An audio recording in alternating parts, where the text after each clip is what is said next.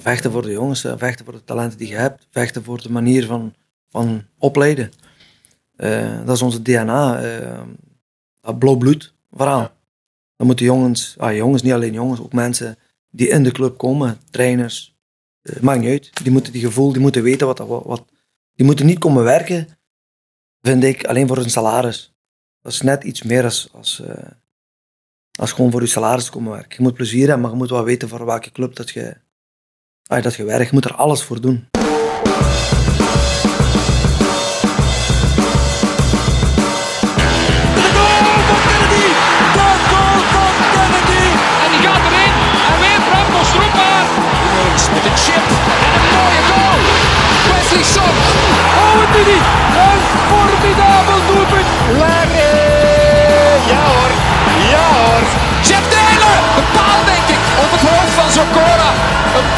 Bombardement. En Genk blijft overeind. Samatta. Het is 3-1 voor Racing Genk. Weet jij wat je allemaal gedaan hebt sinds 24 juli? Denk er gerust maar even over na, want dat is ook de laatste keer dat KRC nog eens een wedstrijd verloor. We begrijpen dat dat weer even raar aanvoelt. Laat die eh, Kortrijkse snelheidsheuvel, eh, die een schammetje in onze voorbumper achterliet, niet vergeten waar Racing Genk voor staat. Het mooie spelletje. Eh, we zitten hier samen met de man die daar de voorbije jaren ook een groot aandeel. De maestro, de Genkse Mr. Michel. De man die op Instagram onze spelers hun mond doet openvallen met effectballetjes die in een mini-doel verdwijnen. Misschien mogen we hem aan het einde van deze podcast ook Mich noemen, maar we starten met hem gewoon Michel Ribeiro. Of Michel ons straks een hoekschop in doel leert te krullen, zullen we wel eh, zien. Maar eerst plukken we het uh, Trill Talks bloempje van deze gast die al erg lang op onze radar stond. Eh, welkom beste Genkies, jullie luisteren naar eh, de eerste aflevering van het kalenderjaar. Oh nee, nog niet. Bijna. Bijna, we zitten er tussenin eh, van 2022 nog, maar jullie luisteren naar Trill Talks.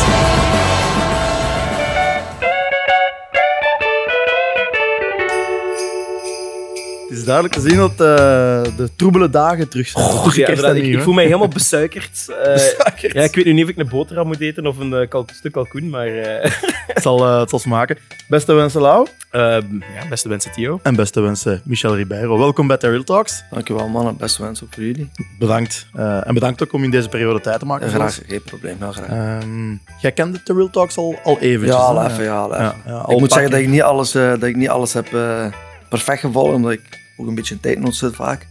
Eh, dus maar ik ken het wel, dus wel bekend. Ja, al wel. Perfect. Goed.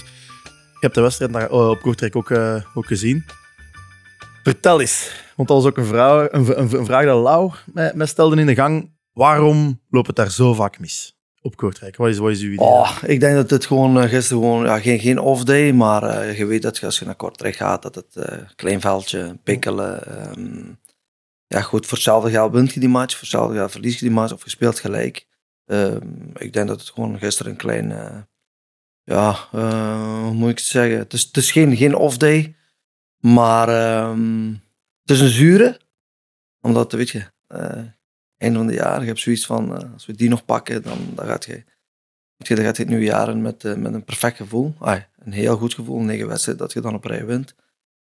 Maar goed, het is gewoon even ja, een, een, een heuveltje die, waar, je, waar je tegenaan zit gereden. Mm. Ja, want ik had, eh, we hadden onlangs hier uh, Jerry Oernan nog te gast. Allee, Ja. onlangs, we spreken al eh, van anderhalf We jaar al geleden. drie seizoenen bezig. En, eh, en, ja, en die fluisteren mij toe. Ja, iedereen zegt wel altijd, Charleroi is ons zwarte beest. Maar nee, binnen de spelerskern, we zeggen, dat is Kortrijk, dat is een klein pijn. Ligt er niet Ja. altijd goed bij.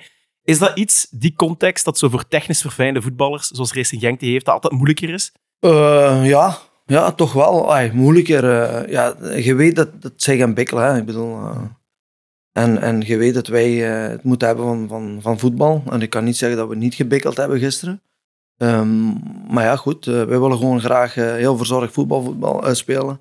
En ja, en, en Kortrijk, ja, het is, het gewoon, het is bekend. Het is, het is niet dat de spelers zeggen van, oh, oh mijn god, we moeten nu naar Kortrijk. Maar ze weten wel van, oké, het gaat geen walkover worden. Hopelijk wel. Ja. Maar dat gaat het meestal niet worden, want je komt eraan eh, klein, hè, gelijk als ik gezegd heb, klein veldje, maar ook eh, eh, ja, wat vettig. eh het was zwaar. eh, Zwaar terrein, ja. Zwaar veldje, alles kort erop. En, eh, en ja, voelt je, dat voelt je wel. Dat is altijd Ja. een beetje, ja. ja. Is ons, en, en toch, ondanks dat, dat jaar na jaar, la- laten we zeggen, spelercyclus na spelercyclus, blijft dat klein veld een van de grote problemen. Ook ons spel evolueert ook. Allee, we, we, Ja. we staan bekend voor mooi voetbal, maar dat wil niet zeggen, je kunt ook mooi voetbal spelen op een, afgestemd op een kleiner veld. Ja, eh, sowieso. Maar je weet, eh, hoe kleiner het veld, hoe meer duels. Eh, we zijn een, een, een ploeg met niet te veel...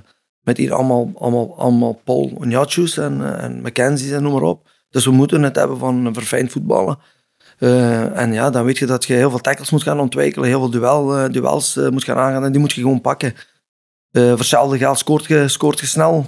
Maar ja, gisteren heb je gezien, na, na nog geen minuut, kon ook wel 1-0 achter staan. Mhm. Dus, eh, maar het is altijd vervelend daar. Ik, ik weet ook niet hoe dat... hoe- ja, en ik denk als je daar naartoe gaat, begin van het seizoen, lekker weertje, zonnetje, dat het toch nog wel net iets anders is dan nu.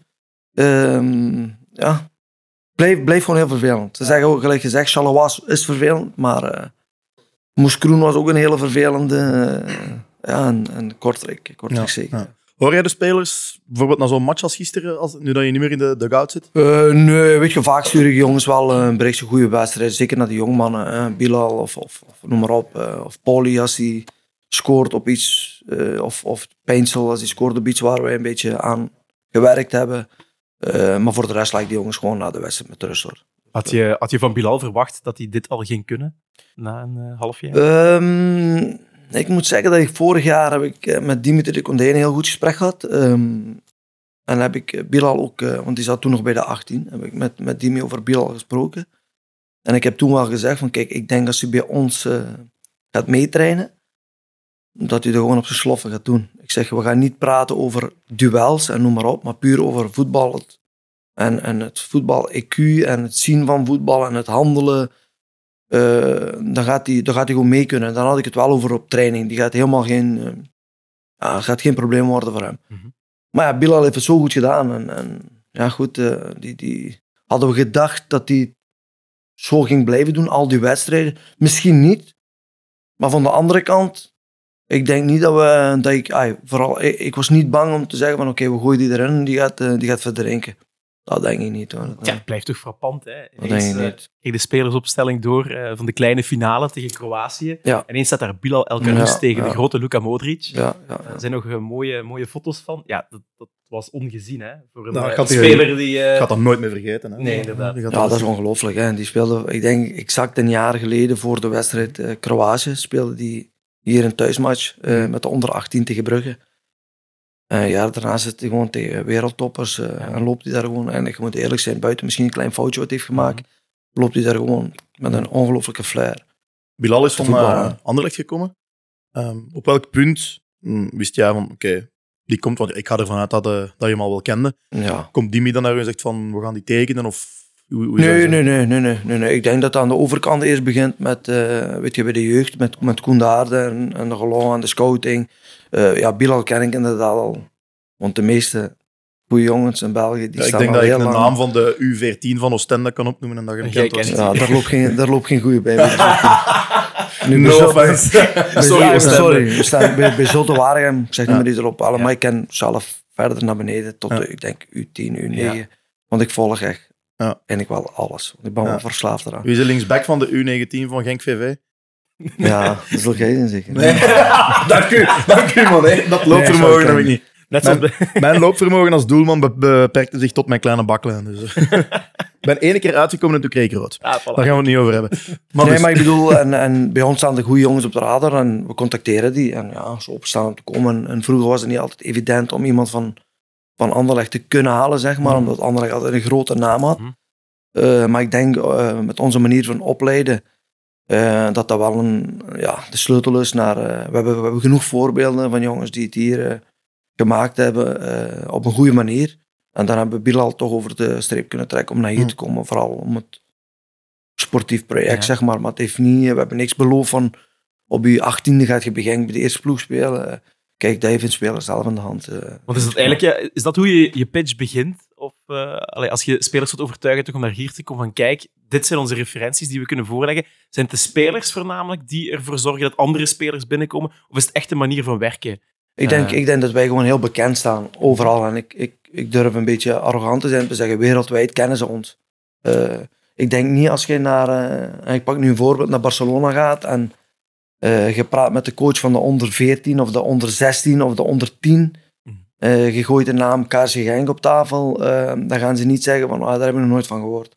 Dus die kennen ons allemaal. En door onze manier van, van, van voetballen, van opleiden, ze weten wat hier allemaal gebeurt. Ik denk niet dat er iemand is die negatief zal praten over de manier wat we, hoe wij werken. Eh, dus dat is wel een, een, ja, een, een sleutel om jongens eh, binnen te halen. En wat zijn zaken die ze dan in het buitenland aanhalen? Dan zegt van, ah ja, KRC, die doen dit en dit. Is, wat, wat zijn specifiek zaken aan onze opleiding? zijn? ja, één is heel verzorgd voetbal spelen. Altijd technisch goed onderlegd voetbal. Ehm, ja, het opleiden van talenten. Het halen van jonge talenten als we die niet hebben. Mhm. Die dan verder opleiden en dan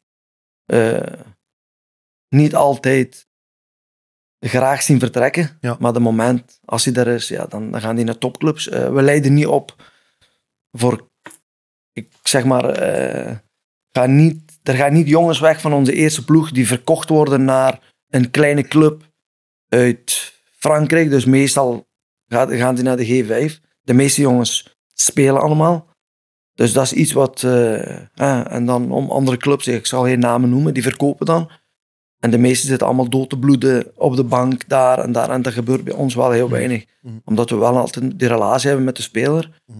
Eh, we proberen hun ook te helpen in het kiezen van de juiste club. Ehm, dat wil niet zeggen dat wij beslissen waar ze naartoe gaan. Ja. Dat is altijd een samenspraak met de speler, maar er zijn wel altijd clubs eh, waar wij het gevoel hebben van als je die stap neemt, dan kun je daar ook gaan spelen. Dus eh, Vind je, dat, vind je dat KRC daar genoeg waardering voor krijgt? In het buitenland, maar vooral ook in het binnenland?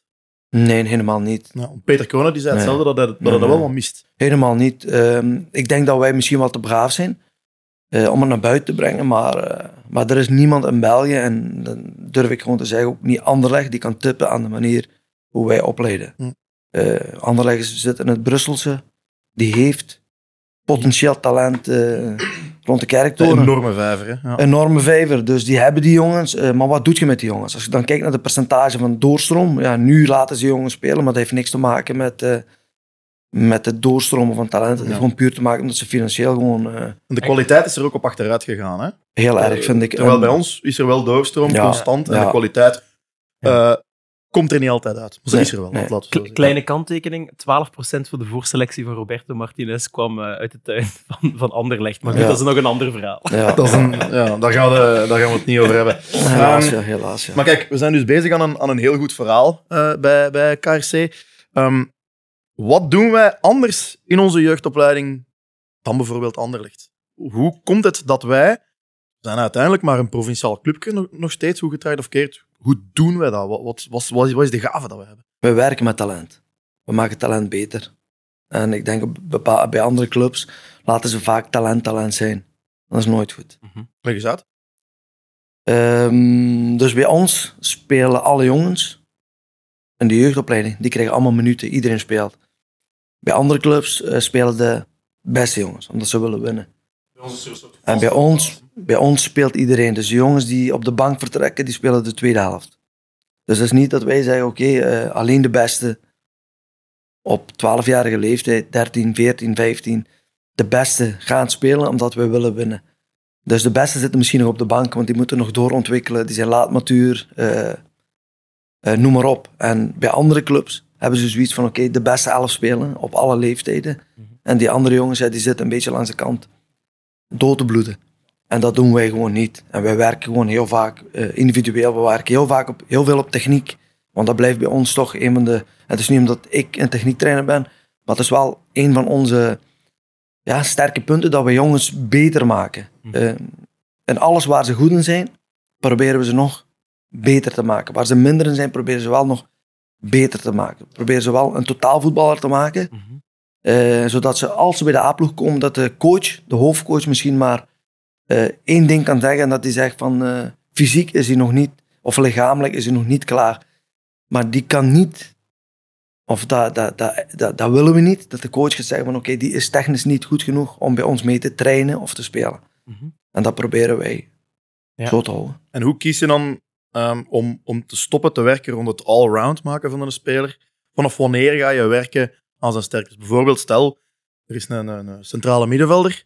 Ehm, die, die overal wel oké is. Eén manco, zijn, zijn rechtervoet kan hij niks mee, kan hij zelfs geen bal mee aannemen. Maar zijn linkervoet kan hij van op 30 meter één naar de naak. Maar dat zal bij ons al niet gebeuren, want we beginnen ermee als ze zeven zijn. Ja. Dus we maken ze van ons, eh, vanaf zeven jaar doen ze alles met links en rechts. Dus dat wil niet zeggen dat ze perfect tweevoetig gaan zijn.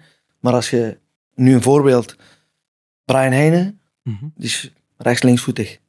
Bilal, rechts- en Ook, linksvoetig. Eh, Maarten, rechts- en linksvoetig.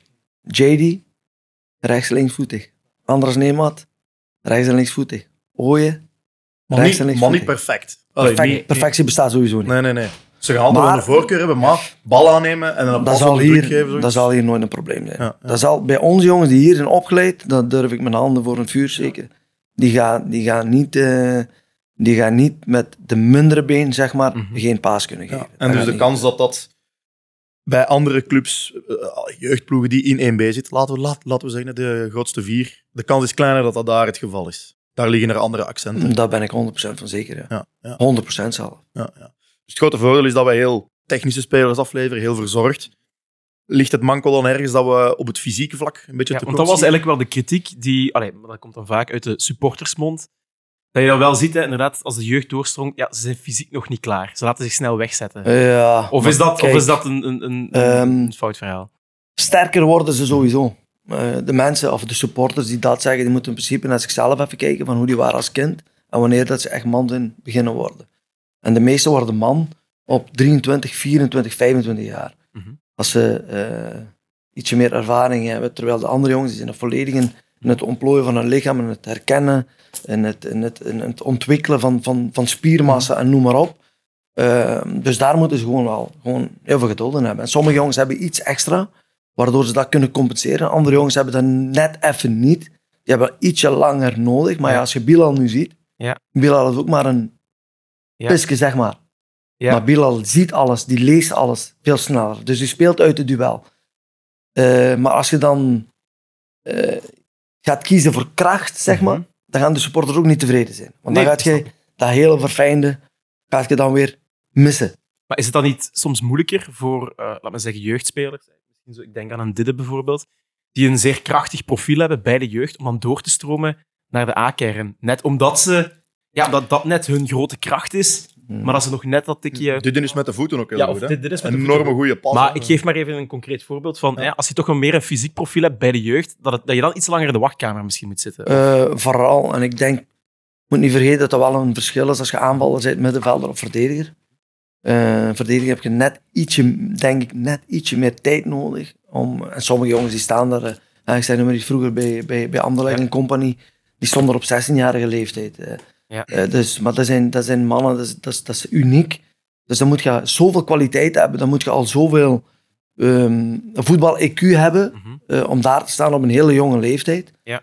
Ehm, ja, en anderen staan gewoon net iets verder. Omdat je meer reactief moet voetballen als verdediger. Eh, ja, ook al. En je moet het spel kunnen lezen en je moet tegen... Ja, je komt vaak tegen intelligente, goede spitsen, snelle. eh, ja, en daar heb je toch net ietsje meer tijd nodig. Ehm, als, als aanvaller, zeg maar. Als een aanvaller een bal verliest voorin, ja goed, dan heb je nog acht, negen man achter u die nog iets kunnen, kunnen gaan doen voor u. Terwijl achterin, als je daar een foutje maakt, ja, dan is het al bijna kassa. Hoe gaat die jongen daarmee om? Een aanvaller heeft balverlies. eh, die, die weet dat als, als, als ik hier balverlies heb, kunnen ze hier nog wat gaan herstellen. Als een jongen van 19 of 18 achterin balverlies heeft en er wordt een goal uitgescoord en we verliezen die wedstrijd, hoe gaat die jongen daar mentaal mee om? Is hij kapot? Is hij... Dus er komen zoveel eh, dingen bij kijken. Niet Dus, eh, ondankbare taak om, om aan zo'n jonge, jonge kerels te geven. nu, oh, ik zeg niet ondankbare taak. Sommigen zijn gewoon ietsje sneller klaar als anderen.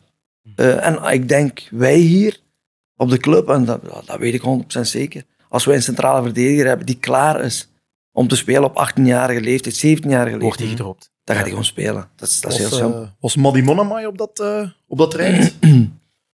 Eh, misschien wel, maar ik denk dat we beter hebben eh, bij de jeugd. Ja? Ik denk dat het er beter aankomen, ja. Ja? Ja, 100%. Eh, zoals? Ik denk een, een, een Brad, ja. Ja. Ik denk een Michiel Kouwel, eh, Ja. ook een onder 16. Ik denk dat jongens zijn die potentieel veel meer hebben als, eh, als een Madi. Ik vind Madi een, een groot verlies voor de club. Mhm. Maar ik heb zoiets van, eh wilt je ergens naartoe gaan, dan moet je vooral gaan. Ofwel Lijkt- speelt je voor je hart. een verstandige keuze gemaakt heeft. Echt wel... Ik volg hem niet meer. Weet, dat is eh, achteraf, die speelt bij de onder 19. eh, Ja.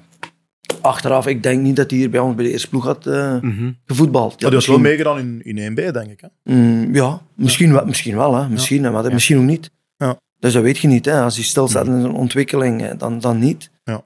Eh, als je 16, 15 bent en je speelt bij Jong Genk, zeg maar, of, eh, eh, dan worden foutjes vaak door de vingers gezien. Omdat je zegt, goh, die is nog maar 15 jaar, en, Ja, ja. noem maar op. Mhm.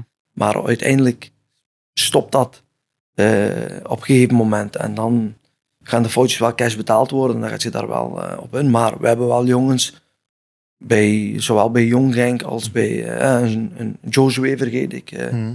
Dat zijn jongens die centraal achterin voetballen bij, bij, bij de onder 18, bij onder 16. Ja. En die in mijn ogen gewoon ongelooflijk veel potentieel hebben om, Hmm. om het te gaan halen. Wanneer ze die stap kunnen gaan zetten en wanneer ze kunnen gaan spelen in het Hmm. A-ploeg, dat is weer een ander verhaal. Maar er zijn wel jongens die potentieel hebben om het, om het te gaan halen. Ja, ja. Ben, Dan- jij, ja. ben, je, ben je eigenlijk verbaasd dat de beloften nu het eh, zo moeilijk hebben in 1B? Of eh weet je aan andere factoren? Ehm, Nee, eigenlijk, eigenlijk ben ik niet... Ah, ik ben verbaasd. We hebben ook wel pech, hè. Eh, Mhm. ja, vind ik eerlijk ook. Zijn, hè. We spelen goed voetbal. eh, je- normaal gezien moest je gewoon 12 punten meer hebben. Maar goed, het is nu, het is nu zo. Eh, van de andere kant, eh, vorig jaar ja, wals je overal door. Maar je moet wel heel realist zijn. Eh, ze hebben vroeger de onder 19 competitie weggehaald. Ehm, dus dat hebben andere clubs dan ook moeten doen. En met alle respect voor wat kleinere clubs. Ja, als je dan gaat spelen bij de beloftecompetitie vorig seizoen. Ja, dan schuiven de ploegen, ook alle in hun ogen betere jongens, naar de beloftecompetitie. Uiteindelijk speelt je een onder 19 competitie. Met een andere naam. Omdat, ja, en dat zeg ik met heel veel respect naar, naar de mindere ploegen. Ja, die hebben de kwaliteit niet wat wij hebben. Dus die spelen met 17, 18-jarigen in een beloftecompetitie. Wij spelen met onze 17, 18-jarigen met een niveauverschil. is gewoon te groot. Dus ja, en daarom zijn we vorig jaar met heel goed werk van de coaches en, en, en van alles en iedereen. Zit je overal doorgewalst. Eh, nu doen we het ook goed in de Youth League. Omdat dat, je speelt jong tegen jong.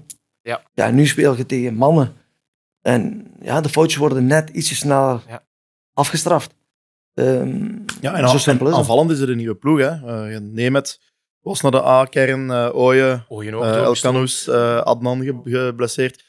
Ja, als die nu nog minuten kunnen meemaken, heb Ja. je... Maar ja, het is onrealistisch om nu ineens Elkanous weer in 1B te gaan. Ah, dat ja, gaat ja, nooit meer ja, gebeuren. tuurlijk. Er staan jongens klaar, hè. er zijn er eh, een paar Ja. hele goeie. ja, ja. Ja, ik denk Maar dat het belangrijkste is dat we ons redden. Eh, dat we niet naar, eh, naar een Dat zal ook wel gaan gebeuren hoor. Denk ook zal- daar ben ik wel zeker van. Dat gaat wel Dus, gebeuren.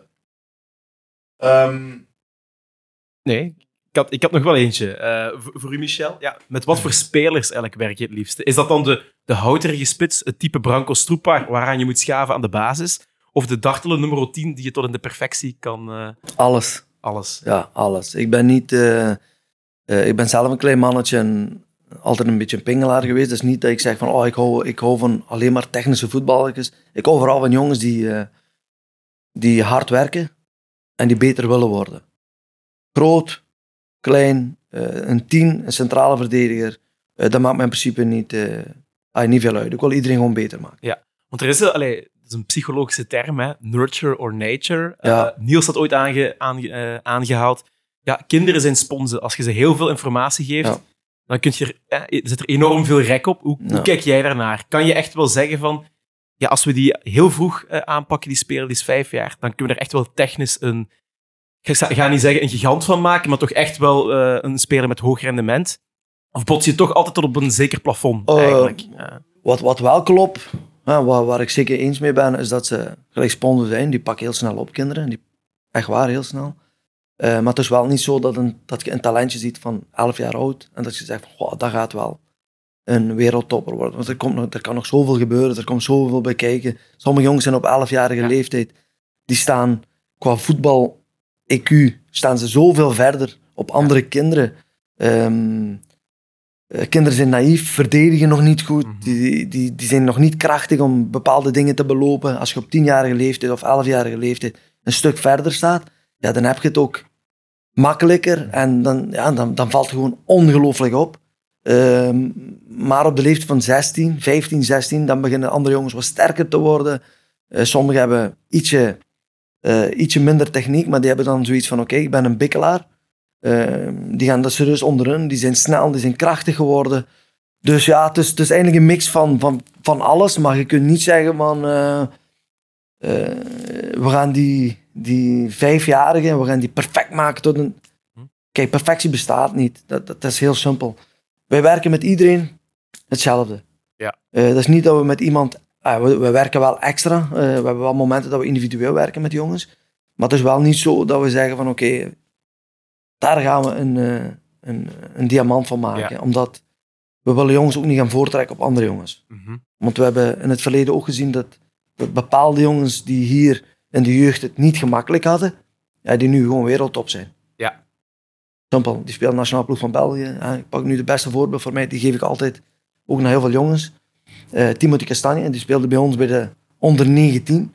Terwijl jongens van 15, 16 al doorgeschoven werden naar, naar de belofte. Eh, Timo, topinstelling, hard, altijd hard werken, eh, noem maar op. Ja, op een gegeven moment krijgt hij bij ons, hè, Domenico en ik waren dan beloftecoach, kreeg bij ons een moment om zich te tonen bij Jong Genk. We krijgen een nieuwe coach, Alex McLeish. Die vindt Timo een geweldige voetballer. Die zegt, goh, die rechtsback daar kan een keer meetrainen met ons. Traint mee met hem. Ja, en een paar weken daarna staat hij in de basis en de rest is geschiedenis. Dus zo snel kan alles gaan. Dus, eh, Dat is wel een goed voorbeeld, ja. Van Kastanje, Dat is een mooi inderdaad. Want eh, ja, dat is een beetje het atypische parcours voor een gangspeler eigenlijk. Eh, hè. ja, Eh, ja, er zijn heel veel die... eh, ja, Eh, Brian Heijnen, onze beste voorbeeld. Hè. En er waren ook mensen die niet echt geloofden in hem. Toen die 13, 14, eh 12, eh, ja, net iets te plat, eh, weinig duelkracht. Eh, ja, daar heb ik persoonlijk zelf ook samen met Dimi nog in de tijd ook nog voor moeten vechten om die, eh, om die ja, op te houden, zeg maar. Niet dat iedereen zei, die moest eruit. Maar was toch wel wat twijfel. Maar ja, Brian was zo goed. Ja, zo goede voeten. Die was zijn lichaam altijd perfect in balans. eh. en dat als techniektrainer, zeg maar, ja, dat zijn dingen waar je wel... Ja, ik, ik vind het altijd knap. Ik vind het wat, wat een beetje vintage Brian Heijnen is. Je zag het gisteren ook. Hoe hij zich soms zo hè, een kleine retro doet, de Ah. bal achteruit en dan als een slangenmens zich door twee spelers Brian, kan wurmen. Brian, dat vind die- ik typische vintage Heijnen Hele actie. mooie voetballer. Ja. Die is, die is, die is zo, ja, die, is- ik zeg altijd, die is zo perfect in balans. Die neemt de ballen aan. Die legt je dood op de knie. Op de, pff, maakt niet uit. Had dat is hij mee moeten naar het WK? Tuurlijk. Ja, ik zeg niet dat, achteraf ik zeg niet altijd, dat hè. Brian, ik zeg niet dat Brian, eh, natuurlijk achteraf, eh, ik zeg niet dat Brian moest spelen en noem maar op, maar ik denk wel dat hij verdiend heeft om, om bij die groep te zitten.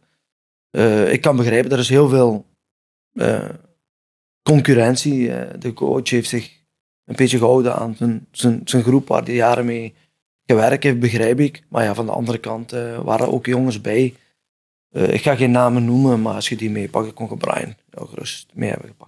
Hmm. Ik denk ook dat hij meer had toegevoegd dan Hans van Aken, die, die ook zijn kwaliteiten heeft. Maar nu denk ik wel dat Brian die eh, Ja, dat denk ik ook. Ja, toch dat wel denk eh, ik. Dat ik met heel veel respect naar, naar Hans toe, maar... Ja. Ik, eh, en wie je eruit laat, voor mij maakt me geen, ah, maakt me geen bal uit, maar gaat Ja. Brian ook mee kunnen pakken. Zo de, de balans waarmee, of de, de, de elegantie, bepaalde elegantie waarmee dat Brian speelt. Hoeveel daarvan is aangeboren en hoeveel daarvan is aangeleerd? In, in zijn spe- specifiek geval, want ze zijn natuurlijk allemaal Ehm, apart. hè. Brian die is altijd, ehm, en dat zeg ik, want ik train die nu al goh, heel veel jaren. Ja, heel veel jaren. Eh, ik ben begonnen met hem toen hij onder negen was, denk ik, met Brian. En je zag toen al aan Brian dat hij gewoon eh, bij mij alles heel snel oppikte.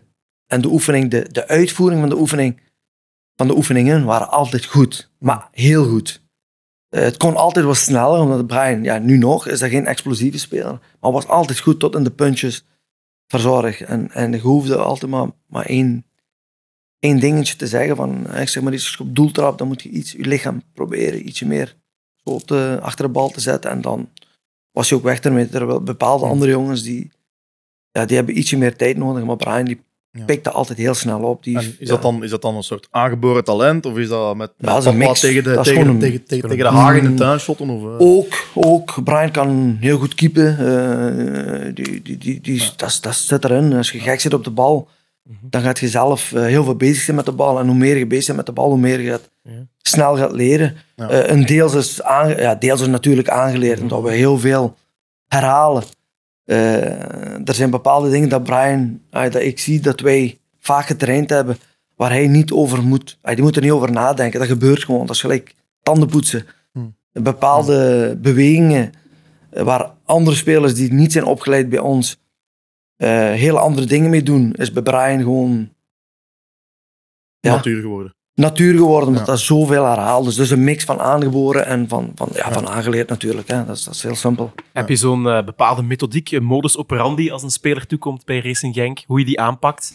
Een Eh. soort van, is er een model Ribeiro? Ik denk dat wij wel, eh, ja, en ik zeg nu wij, omdat ja, mijn zoon die geeft dezelfde methode als mij. Mhm. We hebben een heel specifieke methode. waar, en dat is niet alleen maar gepingeld, dat is echt het mobiel maken van jongens. heel veel draaibewegingen, enkelbewegingen, heupbewegingen, straatbewegingen. eh, die, we dan, ja, die we dan in- integreren. Ja, straatvoetbalbewegingen zeg maar. Ja? Die we Leg dan alleen integreren. Is er zoiets wat Ehm. rechtstreeks van de Cité naar eh, het A-veld van Racing Genk vertelt? Ja, van de cité. Van de cité hebben we heel veel, heel veel, Ja. ja, heel veel bewegingen. Mhm. Draaideurtjes, halve draaien, eh, heel veel zolenwerk. Ja, dat zie je bij Brian, dat zie je bij Bilal, dat zie je bij de jongens. eh. Ja. Dat zijn dingen die we eigenlijk vanuit de straat, dingen wat, wat je in principe op veld niet vaak aangeleerd krijgt door trainers, die wij dan aan onze technische trainingen implementeren, zeg maar, in, in, ja, in, de, in de opleiding. En dat zie je dan gewoon echt terug. En maakt niet uit wie je, als je nu Divo Corrigi pakt, Ja. Kevin De Bruyne, noem ze maar op. Kunnen het allemaal. Die, dat ziet je gewoon dat dat... En dat is niet door mij, dat is vooral die jongens die voelen zich daar comfortabel mee. Ja. ja en die gaan het dan gebruiken. En als dat rendement brengt op de wedstrijd, ja goed, dat is, dat is perfect. Hè. Hoeveel, hoeveel cité heeft Kevin De Bruyne nog in zich zitten? Ik moet zeggen dat Kevin, voordat hij kon, want Kevin is een, is een- is een Belgische jongen, Ja. een blonde jongen, eh, maar je zou wel ver- eh, versteld zijn hoeveel straat in, Ja. in Kevin zit hoor. Want- Zie je hem dan nog steeds doen? Allee, als Ja, je, Kevin als je hem ziet spelen eh, op Boxing Day en... en Kevin zie ik af en toe wel, eh, en vooral natuurlijk als hij ergens in een hoek zit, Hoe die zich eh, daaruit kan hij zich wel eruit. eh, en herken je vaak dingen van, daar, daar hebben wij nog op gewerkt met hem? Dat er nog steeds Met hem, met, niet alleen met hem, met andere jongens Ja. ook wel. eh, vooral bepaalde draaibewegingen die we, die we gebruiken. Ja, dat, is, Ja. dat is heel herkenbaar. Ja. En die blijven gewoon terugkomen. Dat ziet je gewoon. niveau. Ja, klaar. Ziet je gewoon. Dat is echt Carrasco. heb je dan, doet dat iets mee doen? Heb je het dan iets van... Ja, de, het, het- ja het, het went niet. Ja, dat het ik. went niet, om, omdat eh, ik volg alle jongens nog allemaal. En ja, en als je zegt allemaal, er zijn er heel veel. Er zijn jongens, hè. ik volg Stef Peter bij Eupen, Pieter Gerkens bij, And bij Antwerpen, Schrijvers, Bruni en Simba, noem ze maar allemaal, Limbombe, eh Jordi Kroeks, Japan. Ik heb nog altijd binding met die jongens, eh, Shirani. eh. ja, ik...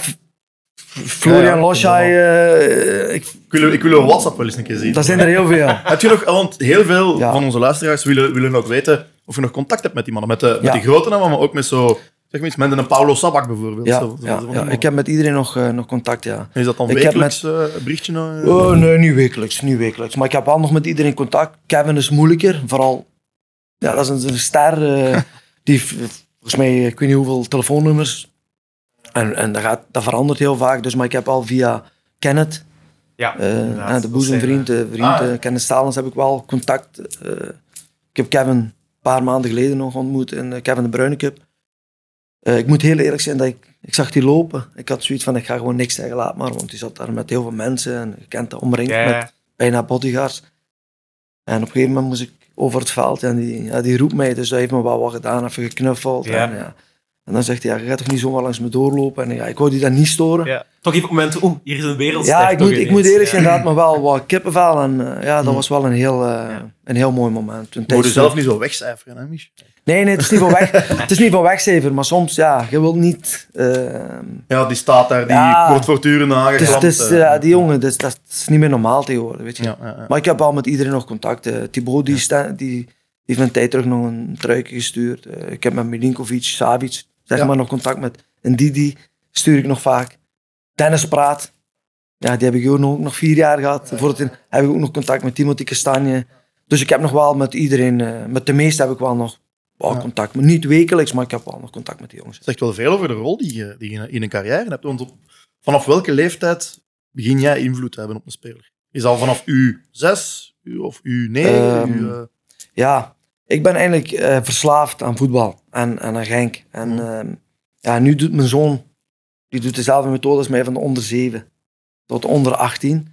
Eh, maar ik zie alle wedstrijden met hem. Of ik, zie, ja, ik ga naar de onder 8 kijken, ik ga naar de 11, 12, 10. Ja, ik, ik zie ze allemaal, dus daar heb ik al wel wat binding. Ik train die jongens niet, maar ik zie wel wat trainingen van mijn zoon. Ehm, ja, je raakt die jongens even aan. Je, je moedigt ze aan om creatief te zijn. Hmm. Dus daar begint eigenlijk eh, die, die speelse band al met die jongens. En, ja, en daar leert je heel veel. Ah, je leert heel veel van de jongens. Je Hmm. ziet heel veel. Je ziet karaktertrekken. Je ziet van, oké, dat is een hele open jongen. Dat is een ietsje gesloten jongen. Daarmee kun je aan de slag. Al van op een hele jonge leeftijd Hmm. kun je die beginnen al, al beginnen te kneden zonder dat zij het zelf Ja. doorhebben. En prikkelt hen dat extra wanneer eh, de grote Michel soms iets, al eens iets Ja, het, is, niet- het, is echt niet de grote, het is echt niet de grote Michelle, want ik ben echt maar een... In mijn een- hoofd was dat zo hoor. Nee, ik ben echt, ik ben echt maar gewoon een, een, een straatjongen die, Ja. die alles doet voor de club en voor de jongens. Ehm, maar het is, ja, je ziet dat ze weten wie ik ben. Eh, ze kijken naar mij, eh, ze, ze, houden van onze manier van werken. Eh, ze zijn gek op mijn zoon, op al dat gepingel en, en de manier wat, hoe wij dat overbrengen naar hun. Ehm, ja, en daar profiteren wij eigenlijk van. Waardoor we met de jongens wel een, een, ja, een, een speciale band hebben. En wij hebben ze hun, we hebben die jongens jarenlang. Terwijl een teamcoach, die heeft die vaak maar een jaar. Dus wij hebben ze jaren. Dus als ik Brian zie, of, of een Bilal, of een JD, of een Maarten.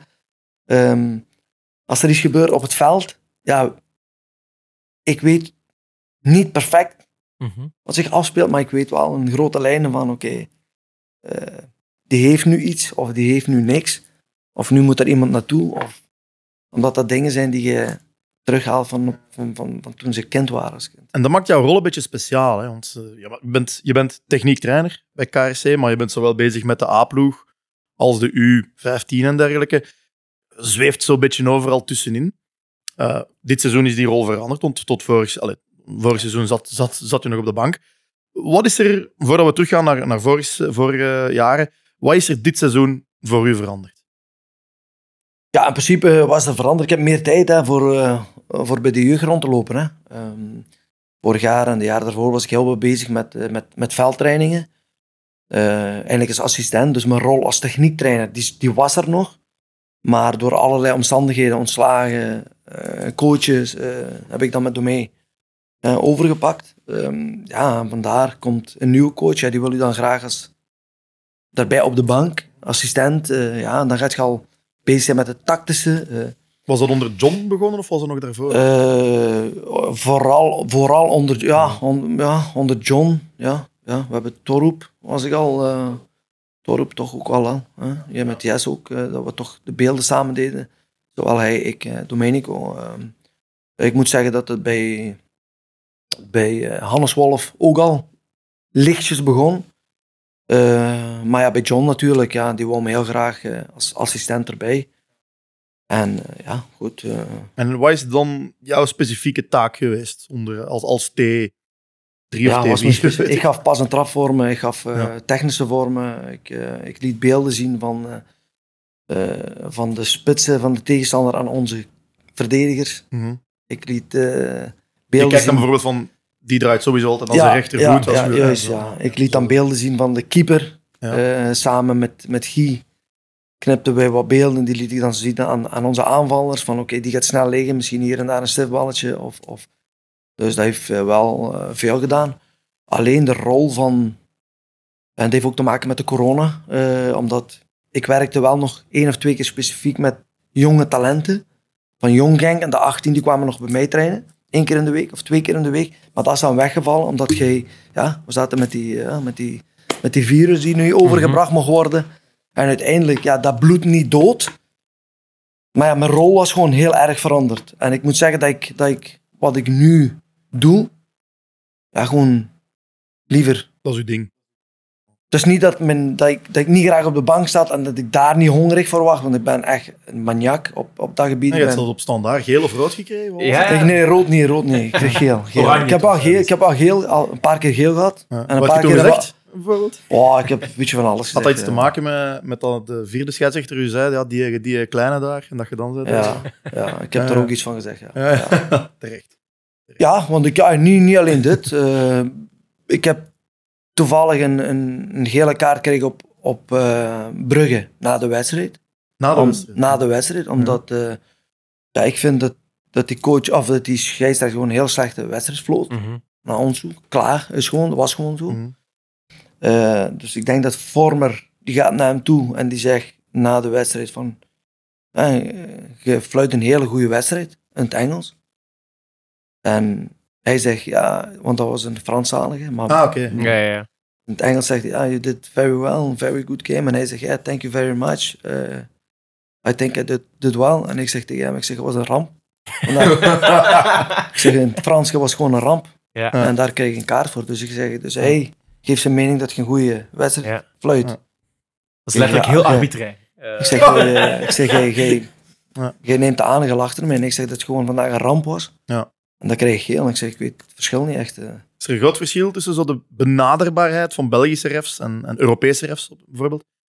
Oh, wow, we hebben toen de, de eh, Champions League en noem maar op. Ja, Ja, ja. je ziet dat, eh, dat het allemaal een beetje een hoger podium is, maar uiteindelijk van het moment dat, ja, dat de match begint, is allemaal hetzelfde hoor. Ja. En Ook de kwaliteit zonder- van de refs? Nee, die zijn wel, die zijn wel, dat is wel wat beter. Ja. En ik zeg dat met heel veel respect naar, naar scheidsrechters toe. Maar ja, goed, kan, het kan Ja. bij momenten wel beter hoor. Mhm, mhm. Ehm, maar je staat dus liever eigenlijk op het trainingsveld dan op de bank op wedstrijddagen. Ja, ik moet mee. eh, kijk, gelijk nu ook. Hè. Eh, ik zit bij de, bij de A-staf. Eh, twee keer per week kom ik hier werken met de jongens. Zowel met de jonge talenten. ergens een, een moment in de namiddag. En dan twee dagen voor de wedstrijd heb ik dan in principe linietraining met de aanvallers. Doe ik wel looppatronen afwerk vormen met wat technische dingetjes daarin. Eh, maar ik zou niet... Ja, ik zou het niet top vinden om alle dagen bij de A-ploeg te zitten en eigenlijk niks te doen. Om, om gewoon erbij te horen. Om te zeggen van oké, ik zit hier, eh, ik, heb, ja, ik, ik ben niet zo, ik wil gewoon trainen, ik moet werken. Mij moet je gewoon werk geven. Geef me jongens alle dagen, als ik alle dagen met jongens kan werken, dan is het top. Maar eh, het is niet zo dat ik eh, gewoon even een training wil komen kijken en, en daar ja, gewoon eh, Nee, nee, echt wel dingen overbrengen. Overbrengen. Ja. Oh, ik, ja, mij Ja, moet ja. gewoon werken. Ik wil op Ja, veld, eh, ik, kan, ik, kan jongen, ik kan jongens helpen. Ja. Dus dan moet je mij gewoon... Is er, zijn er veel afgewerkte producten, om het zo te noemen, bij de, bij de A-kern? Of We zijn nooit klaar. nooit klaar? Hè? Nooit klaar. Nee. Wat doe je bijvoorbeeld met, hè, want eh hij staat hier op de muur, eh, de grote man Paul Ja, ik ook net zeggen. Man van bijna hoe- twee meter. En, Hoe, ja, die heeft dit, dit seizoen weer een, met, een met- metamorfose. Het is weer een mirakel dat hij hier nog is. Eh, is weer een betere speler geworden. Vooral Glenn zijn werk heb, heb ik gehoord. Dat dat, eh, en fysiek- ook, en ook eh, inderdaad, hè, onder impuls van Frank. Hij moet echt... Hij, hij zakt meer in, hij moet meer meevoetballen, meer Ja. zijn twee voeten gebruiken. En hij doet dat eigenlijk met verven. Hè. Maar het, Dus, is een, het is een profiel dat u waarschijnlijk interesseert. Want technisch heel goed, dribbelvaardig. Die, die crosspasses die hij kan geven. top.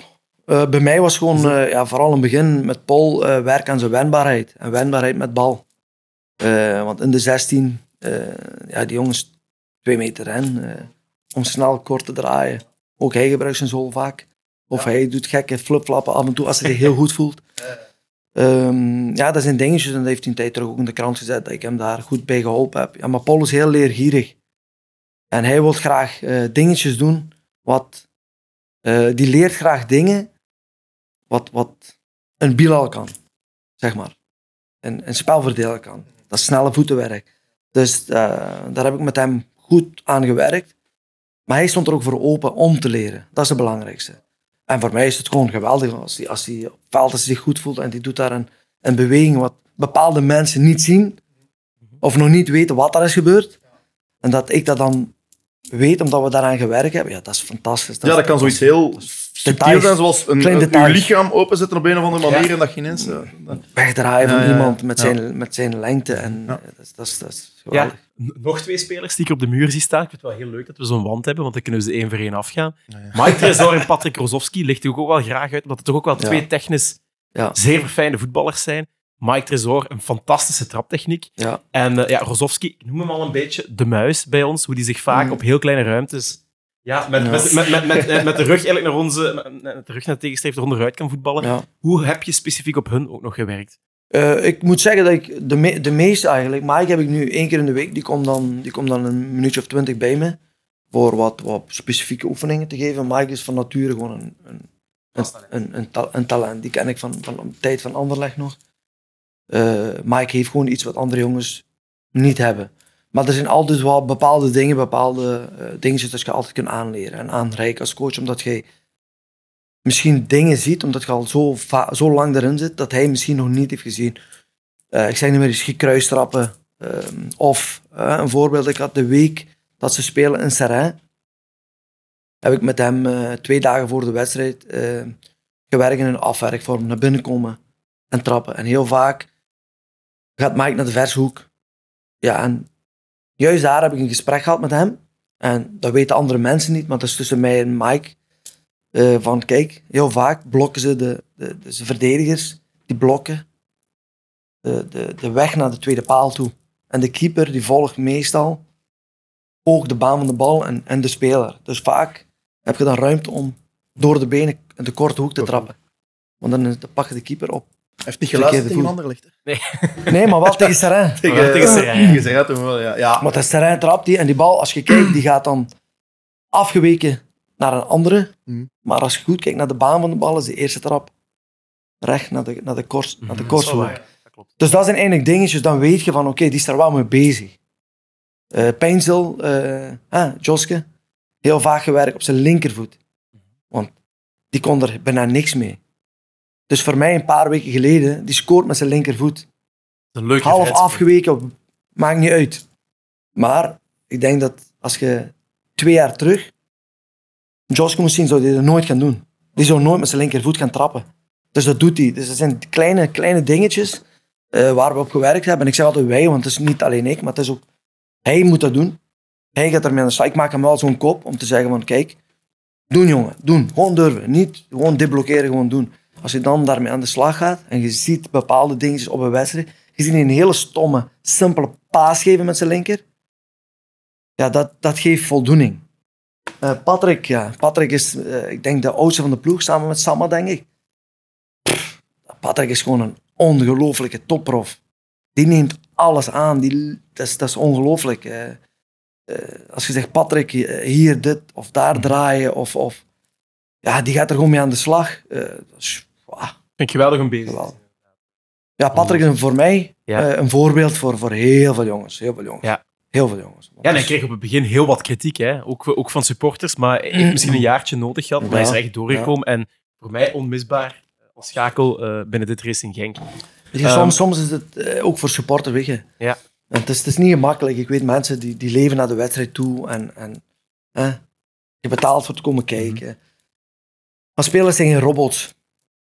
En dat is geen Playstation. Hè. Sommigen, hebben tijd, sommigen hebben tijd nodig. Sommigen hebben tijd nodig. En als je kijkt naar alles wat we hebben gehad, die hebben in het begin het wel wat moeilijk gehad. En dan heb je uitzonderingen, een Pozzuelo, een, een, een Sander Bergen, eh Joachim Meel, die komen aan. En hè, Munoz, Pats. Maar er zijn anderen die gewoon, ja, andere posities. Eh, de flow van de ploeg. Als je alles wint, ja, dan speelt alles en iedereen Dat is goed. gemakkelijk. Hè? Als je erin komt in een moeilijke periode, ofwel gaat alles veranderen in het positieve en dan zit jij de reden.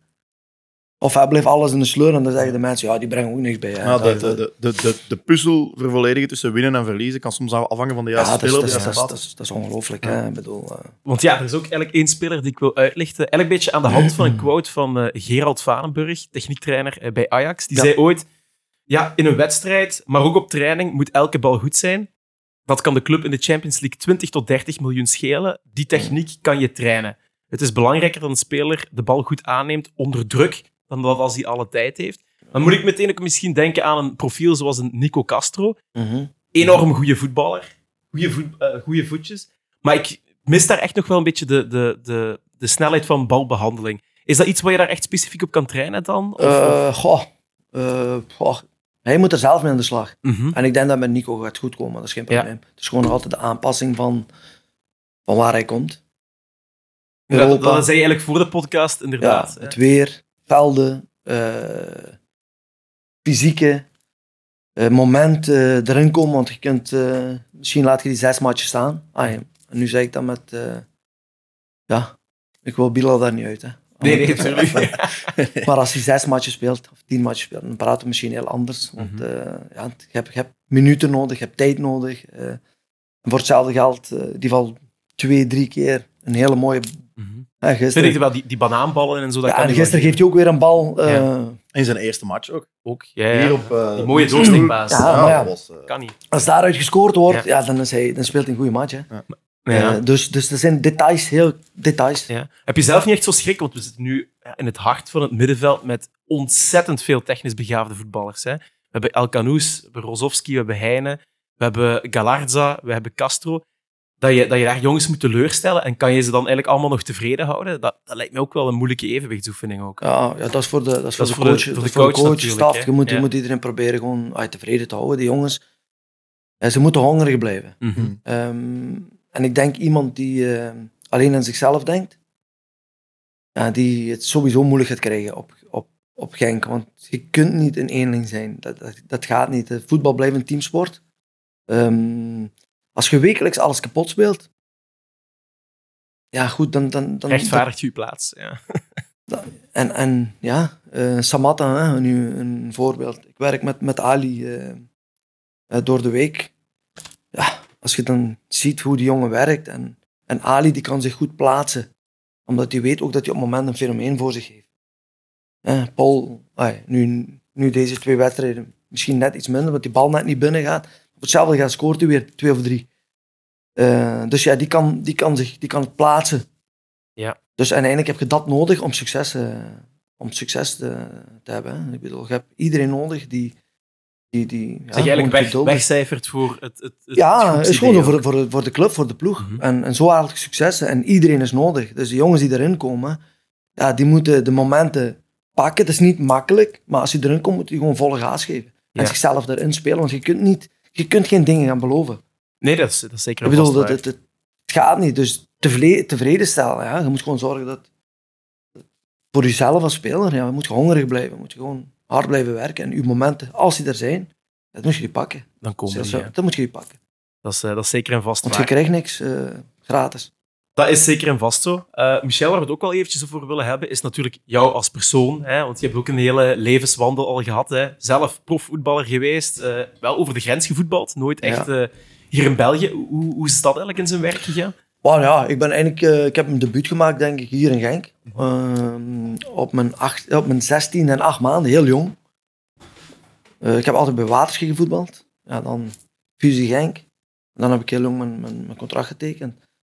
Ehm, ja, dan heb ik een periode gehad dat, eh, dat er heel veel clubs achter me aan zaten. Maar toen hadden we nog geen Bosmanares. Mhm. Ja. Hè? En toen was ja, de club gewoon eigendom van, van de speler. Die konden niet zeggen van oké, je mocht gaan gratis Ja. of wat dan ook. Eh, ja goed, dan heb ik in een ploeg gezeten die succes heeft gehaald. Ja, dan als jong manneke moest je gewoon eigenlijk je mond houden en, Mhm. en pakken wat je kunt pakken. Op een gegeven moment was het wel zo dat ik echt wel net iets... En ik zeg dat met heel veel... Ik moet een beetje opletten, maar ik was net iets te goed voor, voor de belofte toen. Dus ik moest echt minuten gaan maken. En toen hebben we afgesproken om naar Pato IJzer te gaan. Ja, Pato IJzer was dan een financiële probleem, waardoor ze heel veel jongens niet konden opstellen, omdat die dan zogezegd te veel premies pakten. Dan ben ik naar Holland gegaan, eh, heb ik in uh, gevoetbald, een hele leuke periode gehad. Ben ik naar Eerst Nationale en Den Bosch gegaan. Den Bosch ook weer financiële problemen, waar zeven, acht jongens die redelijk goed betaald waren, ontslagen moesten worden, want anders was de club failliet. Ja, daar zal ik helaas met mijn kop bij. Ehm, en ja, goed, uiteindelijk heb ik toch, eh, ben ik voetballer geweest. Ik heb tien jaar ben ik prof geweest. En dat was voor mij, ja, mooi. En uiteindelijk ben ik gestopt met voetballen. Ja. Omdat het niet meer de moeite was, financieel gezien, om, eh, om te gaan voetballen in Nederland in de tweede klasse of België in de tweede Ja. klasse. Omdat ik, ja, ik kon wat meer verdienen in de zaal. Ja. Met misschien een reeks of twee lager. Te gaan voetballen hier in een vierde klasse of derde of eerste provinciaal. Waar je dan ja, financieel... eh, Ja. Ja. en dan ben ik op Genk begonnen. Dus, eh, Hoe is dat gegaan eigenlijk? Want dat is zo 2007? drie, nee, nee, nee. nee. Of, of Nee, 2003, 4. 3, 4 zelfs. Ja. Ja, Ja. ja. Amai. 2004 stond op is dat Wikipedia. begonnen? 2004 ongeveer, Ja. denk ik, ja. Ehm, ja, ik, eh, ik moet eerlijk zijn, ik, ja, ik vergeet nooit meer, op de weg naar Zutendaal, aan de lichten, Mhm. langs mij stopt Ronnie van Geneugde. Wat een timing. Dan heb je een drag race En samen ik, moet gedaan. eerlijk en- zijn, en ik moet eerlijk zijn, en ik, ja, ik, ja, gelijk, praat jongen raam op, hey Ronnie, eh. en hij zegt, kom langs, Mies. Je, ken- je kende die van Ja, ik samen van, te spelen van bij- Lommel en, eh, Ja, en ja. Oké. En hij zegt, Mies, je moet eens afkomen op Genk. eh. Kom eens even af, eh, praten. En, eh, ik zeg, oh, ik heb thuis om denken. Ik zeg, oh, zegt hij mijn vrouw, weet je wat, ik ga eens luisteren wat, die, ja, wat Ronnie heeft. Een sollicitatiegesprek aan de lichten. van Ja, nee, gewoon van, van gewoon een gesprek. Ja. Ja, Ronnie ja, zei, je ja, moet ja. ergens afkomen, Mies, je moet eens gaan Ja, praten. Dus ik ben op gesprek geweest bij Ronnie en die zei van, ja, Mies, ik wil je eigenlijk graag als Eh, iets, ja, ik wil dat je iets doet met de jeugd hier in Genk. En eigenlijk was de bedoeling, want hij zei tegen mij van, ja, misschien een ploegje pakken. Eh, ja, want je hebt dat, jong, met de mannetjes, gij, eh, zegt hij. Ah, ik zeg tegen hem, ja, Ron, ik wil geen teamtrainer worden. Ik zeg, misschien iets met techniek, zeg ik tegen hem. En hij zegt, oh, perfect, ja. En ik ben eigenlijk begonnen en ja, goed. We zijn nu bijna 20 jaar verder. En hoe, ja, uiteindelijk, je bent altijd voetballer geweest. Hoe is die tra- transitie eigenlijk in zijn werk gegaan? Want je gaat toch eigenlijk wel een soort van oefenstof nodig hebben om te geven. Ik ga mensen. heel eerlijk zijn, tot de dag van vandaag, en dat durf ik te zeggen met, de, ja, met de, met de hand op mijn hart. Ik heb nooit ergens bekeken van oefenstof. Dat is heel intuïtief gewoon. Puur intuïtie, potjes pakken, naar het veld toe lopen en pam, klaar. En ik heb dat toen gehad. Eh, ik heb, mijn eerste groep die getraind had was, ik denk, onmiddellijk de onder 15 toen. Dat was met, met Arne Niels en, en al die mannen. Eh, en ja, ik had zoiets van, ik loop naar het veld en, ja, en ik gooi er iets uit. En, en zo is het eigenlijk. En ik heb mezelf perfectioneerd, zeg maar. Mhm. En heel veel bijgeleerd in het zien. En je zegt heel vaak, eh, je kunt heel veel vinden op internet. Ja, ik heb het nooit gedaan. Ik heb altijd gekeken naar wat hebben jongens nodig. Oké.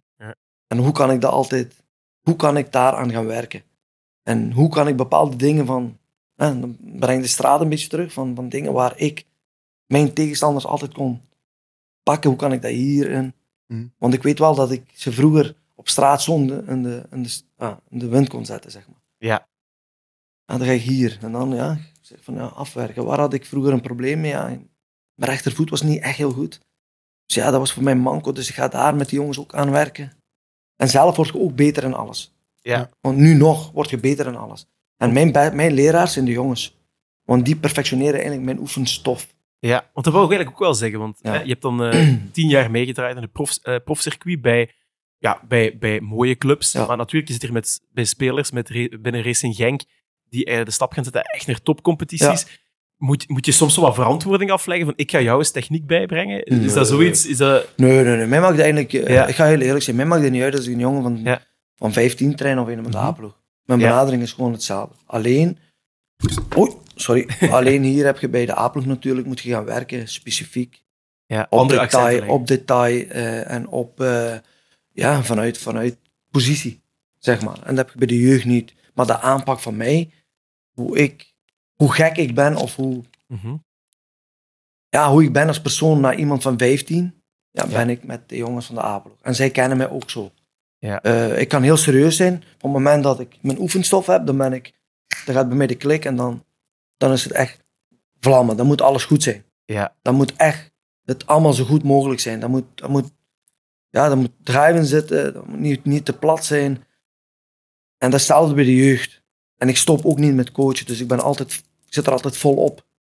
Maar van het moment dat dat gedaan is, ja, dan gaat bij mij ook een klik van de, de, de, de, de grappige, gewone eh Michel met de jongens. Ja. En het is niet, oh, ik, vandaag werk ik met Paul, of vandaag werk ik met die, Mhm. of oh, oeh, ik zie morgen Kevin de Bruyne, of oh, oh. Ja, Ja. Dat, dat maakt me eigenlijk niet, niet, ja, dat maakt me niet uit, want het zijn allemaal gewone jongens. Ja, die eh, vernuftige no-nonsense aanpak die heeft je ook gebracht tot over de oceaan. Want eh, ik weet niet of iedereen het weet, maar je hebt ook nog een eh, tijdje bij Kansas Ja. City gezeten. Hoe is dat in zijn werk gegaan? Want je bent er letterlijk de eerste techniektrainer trainer, Ja, denk ik, ooit in de. MLS Ja, geweest. Ja, klopt. Ja. Dus eh, ja, de uitverkorene tussen Ja. allemaal. Nu, ehm, hoe is het? Ja, hier zijn dus ooit, ik denk, 80 trainers uit Amerika. Die zijn hier in een opleiding gekomen in Frankrijk en België. En die zijn dan naar de opleidingen, die zogezegd de meeste jongens geproduceerd hebben, zeg maar.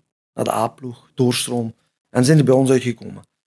Eh, nu, ik moet eerlijk zijn, ik wist daar ook niks van. Op een gegeven moment zag ik, ik zat te trainen met onder 16, 17 eh waren een heleboel trainers eh, zaten te kijken. En, eh, en op een gegeven moment hadden ze na de training, zaten ze in de, ja, er is een, een, een lokaal met, met, ik denk, oh, Koen, met Eddie van Hemel, Koen of Eddie, ik denk met Koen. Ja, ik loop door, dus ja, kom binnen, ik zeg, hey, mannen, goedemorgen, hup. Eh, ja, hebben ze me even naar binnen geroepen, wat vragen. Eh, ja, en dan, denk ik drie weken daarna, kreeg ik een telefoon al van John Perry, dat was toen de directeur bij Kansas City, die me belde als ik interesse had om te gaan naar de MLS. Nu, ik moet zeggen dat ik daarvoor al heel vaak wat ploeg heb eh Niet, niet gehapt. eh, ja, gewoon niet gehad. Mocht noemen. Ja, Porto. Ja, Porto, Porto, was, was close. Was close, omdat mijn vader daar geboren is. En ja, Portugees, dus dat was wel een... eh, dus hebben we niet gedaan. Dan zijn er nog een paar mooie clubs geweest. Grote namen, maar ik zit goed waar ik zit. En uiteindelijk, ja goed, ehm, heb ik nee gezegd. Heb ik gezegd van, doe ik niet. Ja, heb ik geen interesse in. En ik moet zeggen dat ik ehm, een paar jaren terug, dus net voordat ik vertrok, heb ik twee jaren gehad waar ik mij eh, ja, best heb geërgerd. eh, bij bepaalde dingen in, in onze werking van de jeugd. Waar ik niet achter stond. Er waren wat dingetjes veranderd ehm, en ik kon me daar gewoon niet in vinden. Ik had zoiets van, ja, kijk, hier wil ik niet aan meewerken. Beetje ik heb- ruis op de relatie. Ja, nee, niet met, niet met mensen, gewoon over het, ja, over het, over het algemeen. Ja. Over het algemeen. Eh, de, ja, de club ging niet, eh, want ik denk dat ik daardoor ben vertrokken. Om geen brokken, brokken te maken. Ja. Ik had echt zoiets van, ja, er zijn ja, dingen dat mij gewoon, ja, daar kan ik me gewoon niet in vinden. En ik wil er geen deel van uitmaken. Snap je? Dus dat- Mhm. dat was iets heel gevoeligs. Ja. Ik zag dingen waar ik echt niet, niet achter stond. En dat was voor, voor mij, in mijn gevoel, een beetje ja, ongangst, zeg maar. Waren dat dan zaken, zonder te veel op details in te gaan, waren dat dan zaken die op het veld gebeuren? Waren Ja, tactische ja. zaken? Of eerlijk Nee, qua gewoon, nee, nee, v- ja, een, beetje van alles, maar vooral veld. Een beetje op het veld was, was een beetje wat, wat dingen veranderd. eh. Ja. Ik kon me daar gewoon niet in vinden. En ik, had, ik, ik ben iemand, ik moet me goed voelen om naar mijn werk te gaan. Ja, ja. Ah, naar mijn werk, naar mijn hobby te gaan. Ja. Ik moet lachen, ik moet me ontspannen, ik moet werken met de jongens. Ja, en, en die gevoel was, was wel wat minder geworden. En toen eh, kreeg ik, eh, heb ik, ik heb dat daarvoor wel aangegeven op de club, van kijk mannen, kijk, hier en daar vind ik dat, dat we moeten gaan opletten, van, want ik denk niet dat wij de goede richting in Hmm. blijven gaan als we zo verder Even aan de alarmbellen gaan hangen. en daar is toen eh, ja, wat, wat geprobeerd mee te doen, maar voor mij was het gewoon niet genoeg. En ik had zoiets van, ja, ik wil me daar niet aan blijven ergeren. En ik heb toen opnieuw telefoon gehad van Kansas City. En eh, ja, toen was, maar ik stond er wel voor open. Ik zei, ik ga eens luisteren, ik ga eens kijken. Ja, en dat was me heel goed bevallen. De gevoel was daar, de klik was daar. De hoofdcoach zei van, ja, ik wil u erbij. Eh, we gaan doorstromen. En ik, had, en ik had voor mezelf zoiets van, ik wil eens kijken, wat kan ik doen? Ligt het een beetje aan mijn manier van werken? Of heb ik gewoon heel veel geluk gehad? Ja. Dat is een heel, hele leuke opvatting. Uitdaging Ja. eigenlijk. En ik had zoiets van, uiteindelijk eh, was dat een hele mooie ervaring. En ik heb wel gezien dat, ja, dat mijn manier van werken echt wel hielp. Ja. Want daar, op een gegeven moment, in twee jaar tijd, was nog nooit gebeurd. Was Ja. er heel veel doorstroming en was flow. Ja. Ja. Maar het ging daar nog niet snel genoeg.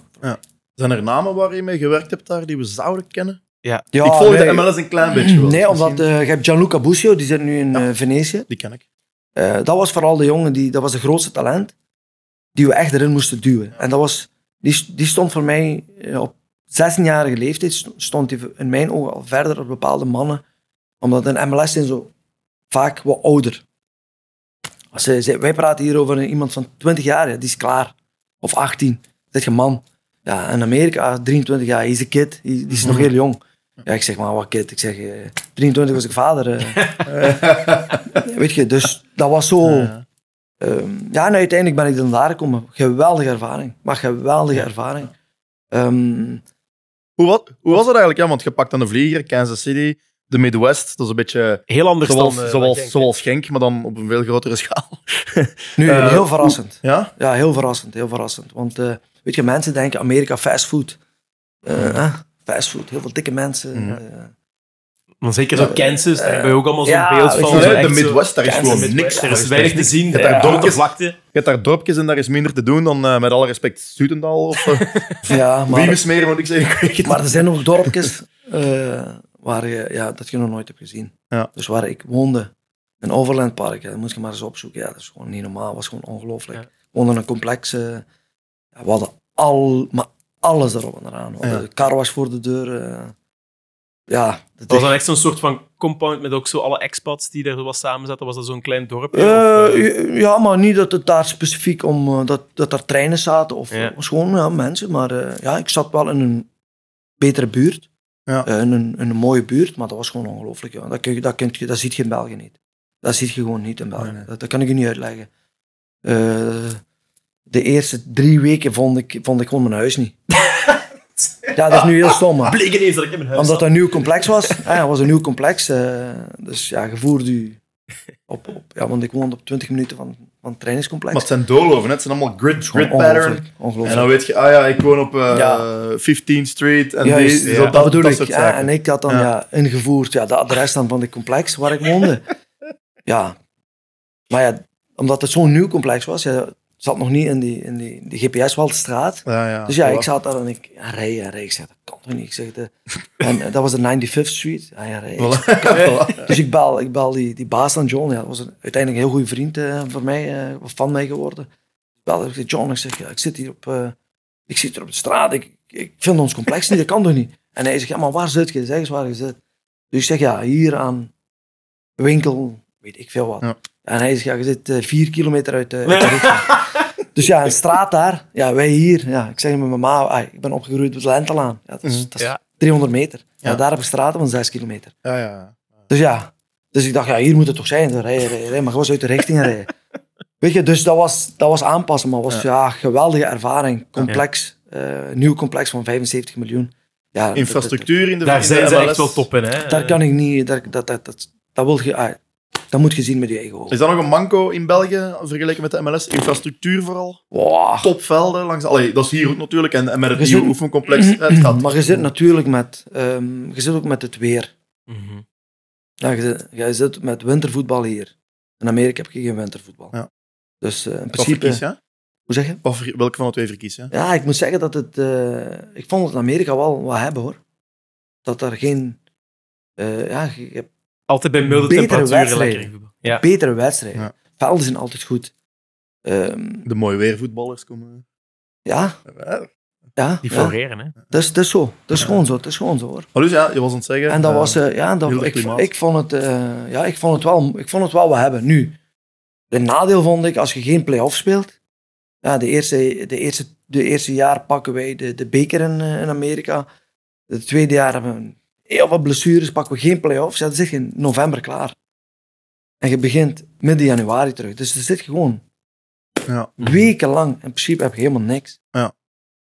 Dat is, ja, Dus dat was, ja, maar ja, voor het zeggen van vakantie, oké, leuk. je je Maar Ja. dat was allemaal heel raar. Het is moeilijk om beter te worden, zo. hè. Er grote gaten in je in Ja, was gewoon, dat, dat, dat, was iets, ja, kan ik u niet uitleggen. Dat, dat, dat moest je Ja. ervaren. was gewoon dat zoiets van, ja, kom op man.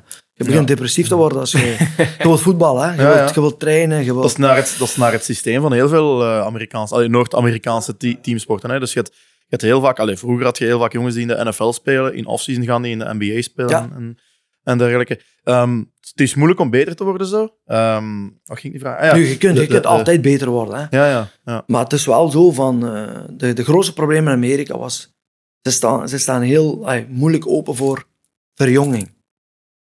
Talenten. Dat is bij hun, daar moeten ze nog, terwijl daar ongelooflijk veel talent zit. Ongelooflijk hoeveel Mhm. talent er Ja, het zit. is een groot land, hè. Ik kan Dus me ja, maar- voorstellen dat daar... Maar eh, dan nog, er zit gewoon puur talent waar, waar, Ja, ik, waar ik zoiets van, godverdomme, als ik die allemaal hier kon hebben. Ja. Omdat die hebben, er zijn atleten bij, als je daar nog mee kunt, Ja. kunt, kunt, kunt schaven Wat, op wat was, de, wat was de, de, de, de catchment area, eigenlijk ze zeggen, van, van Sporting Kansas City? Van waar kwamen de talenten? Was dat, was dat een jeugdwerking enerzijds? Of had dat ook zo te maken met die draft? Is er ook een, Nee, een draft nee. system dat ze van Ja, universiteiten ons- komen? Ja, maar dat was bij ons, ja. Daar, daar hield ik niet van. Omdat als je college voetbal speelt, heb je heel vaak jongens die gewoon Ja, die, krijgen, die krijgen een beurs Die omdat ze krijgen gewoon een kunnen, ja. kunnen voetballen, ongeacht hoe slim ze zijn. Dat is feesten, drinken. Ja, ja, ja, ja. Ja. Is gewoon zo. En hier en daar haalt je wel een, een potentieel talent uit. Eh, Mark McKenzie, die komt van een college systeem. Ja. Eh, die is dan naar Philadelphia gegaan. Dus die is, die is volgens mij ook gedraft geweest. En Dus, maar, dus, dus je een hebt soort van al- hybride systeem tussen dat, Ja. dat draft systeem, maar enerzijds ook gewoon Ja. academy? Of, of hoe- Academy, ja. Maar. Kijk, het is, het is zo. Van het moment dat je een contract tekent, als 16-jarige, een profcontract tekent, gelijk onze jongens hier. Mhm. Als je dat daar doet, dan verlies je je, je college-rechten. Scholarship, ja. Dan verlies je. Ja, eh, dat, dat, dat je een scholarship kunt krijgen. Kunt Ja. krijgen. Ja, Want dat wil zeggen, scholarship, daar heb je voor 100.000 dollar. Ja, dus dat ouders ja, ja, moeten, moeten leningen pakken. Dus dat wil zeggen dat heel veel ouders zoiets hebben van, ja, stel dat hij het niet haalt, ja, als hij dan 18 is of 19, ja, dan moet ik die alles gaan zelf betalen. Of, of, Mhm. Want die heeft die rechten verloren omdat hij een profcontract heeft getekend. Dus dat was altijd, terwijl wij zoiets hebben, hier, ja, of de meeste jongens, ja, 18, ik ben klaar, hè, school klaar. hè. Ik wil voetballer worden. En daar, eh, en daar missen ze eigenlijk de honger om echt profvoetballer te worden. Die zeggen van ja, eh, ik heb jongens gehad van, eh, die ik dan heb gerecruiteerd, zeg maar. Hele goede voetballers, heel veel potentieel. En dat die zeggen van ja, mijn droom is naar college te gaan. Ja, daar kan ik niks mee. Dat begrijp ik. Ik ga je niet dan opleiden voor college. Ik ga College eh, studeren of college voor een college team spelen? college studeren. Dat is het belangrijkste voor hun. Ah, Ja. Voor veel Amerikanen. Ja, ja. En dat is goed, maar ik vind dat een goede plan B voor de niet, of de net niet Ja. toptalenten. Want in principe, ja, ik had zoiets van, ja, ik ga niet met u drie jaar volle gaas werken en je gaat straks naar college. Want daar hebben wij niks aan uiteindelijk. Maar is dat dan ja, dat systeem misschien, hè, met, met die drafts en noem maar op? Want je zegt net zelf, er is ongelooflijk veel talent in Ja. de Verenigde Staten. Ja. Is dat het dan wat hetgeen het ondermijnt dat de, bijvoorbeeld de nationale ploeg van de VS, ja, is altijd degelijk, Ja. maar zonder meer? Terwijl je eigenlijk zo'n groot recruteringsbegin Ik denk dat het wel goed gaat komen, Mhm. maar ik denk dat daar nog de manco ligt van de ervaren jongens. Dat zijn geen talenten geweest. Ter- terwijl je nu, Pulisic, Reina, Mhm. die mannen die komen er allemaal aan. Als die ouder worden, en McKenzie, als die ouder worden, gaan dat wel de mannen worden die de potentiële jonge talenten die snel naar Europa gaan, met de Europese paspoort en noem maar op, die bij Dortmund voetballen, want die zitten overal, hè, pas op. Hè. Dan denk ik wel dat die wel, met natuurlijk, ik zeg niet dat, dat Berhalter een slechte coach is, maar wel met iemand erachter die de die kneepjes, feeling wat meer heeft. eh. die, die, die wel die, die pijnpunten kan, kan gaan aanpakken. ja. Als je dat doet, dan gaan ze wel ver komen hoor. Want die hebben echt wel wat lopen hoor. Ja, nee, dat kan ik wel begrijpen. Maar ja, ik stelde me altijd die vraag, hè, want wij zijn hier een land Ja, met 11 ja. miljoen inwoners. We hebben nu wel geluk gehad met die generatie, maar inderdaad, de Verenigde Staten, zo'n groot ontginningsgebied, recruteringsgebied en altijd zo'n Maar dat is de saaie, honger hè. Maar dat is de honger hè. zo'n saaie eerste, eerste Dat is de, maar dat is de honger. De honger van jongens hier. Hier Mhm. word je geboren en je wilt gaan voetballen.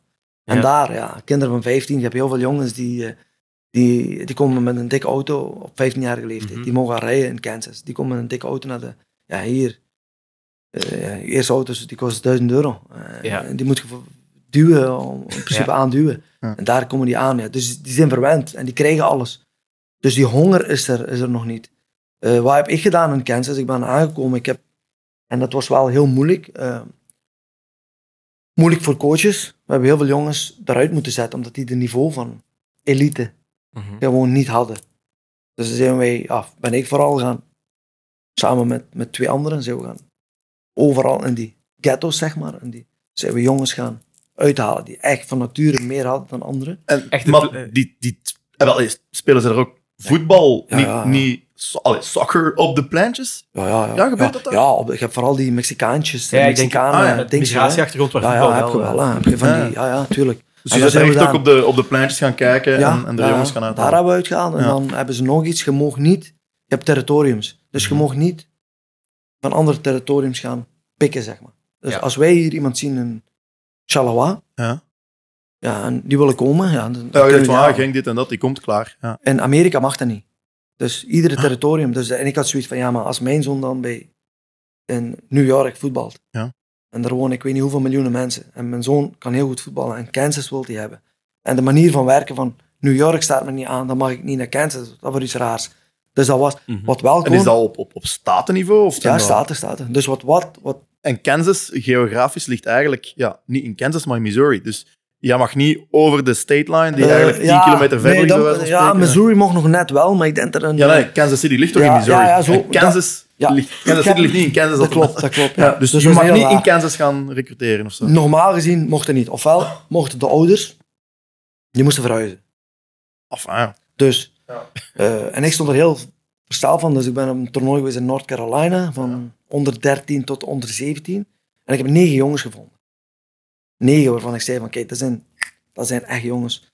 Dus die hebben allemaal aangesproken. En dat was ook in principe van, ja, we moeten de coördinator. en- Mhm, maar ja. ik ben altijd een beetje redelijk agressief in de zin van, oké, ja, ik kijk, ik ga een beetje kijken wie de ouders zijn, oké. En daar loopt een jongen met een Thaise afkomst, ja, je ziet een Thaise vrouwke, ja, dat zal wel de moeder zijn. Ja, Die zit te roepen op hem, dus ik naar die maat toe, naar die speler toe, naar die speler toe, om te zeggen van, kijk, we willen uw zoon graag naar Kansas halen. even Want wij- hardselling met... eh, Want wij hebben dingen, we hebben een heel goede opleiding, heel Europees. We gaan echt doorduwen voor de jeugd en, eh, en noem maar op. En uiteindelijk hebben, heb ik negen jongens kunnen halen die verhuisd zijn gewoon. Met familie. Maar moet je dan als club een soort van package aanbieden aan de ouders van kunnen hier? niks- nee, nee, nee, want de ouders die, zijn, eh, die komen dan. Dat is niet gelijk wij hier. Wij zouden zeggen van, oh, oh, ik moet een uur rijden. oh. Ja, voor de Amerikanen. Of, en, en daar, die ouders verhuizen en die zoeken gewoon een job in Kansas. dat is, Dat is toch iets wat wij minder hebben, hè? Ja, bij ons. ja. Wij zitten altijd in de comfortzone. Zij hebben zoiets van, Ja. kom, we gaan. We Ja. gaan en, en ja, we tekenen gewoon bij. Kansas 0 euro. Dat is niet dat die een contract krijgen. Komen gewoon daar naartoe, jongens van 13 jaar. En Dat is echt zo'n beetje ja, de. American Dream. Van, we hebben niks, we chasen het die, hopelijk ja, die leven, die leven Ja, gewoon wel. ja. Die, die gaan gewoon. Die pakken de hele familie. Oké, mijn zoon, oh, dat is een talent. Ik heb nog twee andere kinderen. Ja, we pakken... Oké, we gaan naar Kansas wonen. Ja. Dat hebben ze... Dus negen families in totaal. Dus dat was uniek in mijn ding. Ja, dat ging natuurlijk de ronde. Mhm. Maar die jaar hebben we wel de prijs gehad van beste opleiding in Amerika.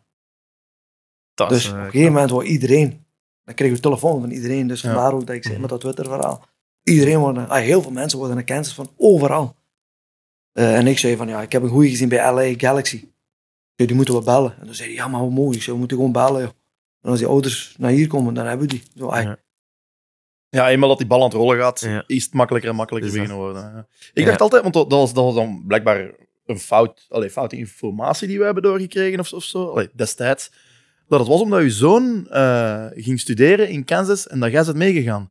En dat was het gerucht dat destijds Nee, nee. circuleerde. Hè? Nee, nee, ik ben naar, ik ben naar Kansas gegaan en, en eh, ik ben eigenlijk gewoon... De afspraak was, of we gaan samen, Ja. of we gaan niet. Ja.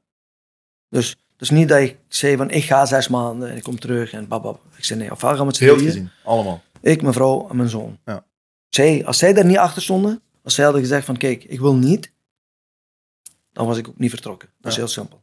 Dan, dan had ik dat niet gedaan. Ook een beetje de instelling van de Amerikaanse gezinnen. Hè? Ja. Eh, Ja, maar bij mij is gewoon, eh, zonder mijn gezin kan ik niet functioneren. Goed, ik kan niet goed functioneren. Zo simpel is dat. Ik ben uit het zuiden. Eh, we zijn heel... En dat was een hele moeilijk, hè. Eh, voor mijn moeder en mijn pa is negen jaar geleden overleden. Mhm. Het is geen gemakkelijk, hè. De jongste van de familie die zegt van, oké, ga naar Amerika. Ja. Dus je gaat van alle dagen op koffie. Mama, die woont, ik ben hier opgegroeid, 500 meter. Ja. Van alle dagen op koffie, zeg maar. Naar maanden niet meer zien. Mhm. Eh, en mama die wist ook van, ja, Michel die zit zo goed op Genk. eh. maar dat was gewoon iets wat ik nodig had. Ja. Ik had dat gewoon even nodig, klaar. Ja. En nu nog zijn er clubs die me contacteren. Grotere namen als Kaarsje Genk. Maar ik heb het op het moment niet. Ik Ja. heb zoiets van, ik zit... Je hebt ervaring gehad. Ja. Niet alleen dit. Ik zit goed. Ik, zit, ik voel me goed. Ik moet me goed voelen. En als ik me niet goed voel, ja, dan ziet je me niet hier rondlopen. En als ik me goed voel, dan ziet je me hier rondlopen.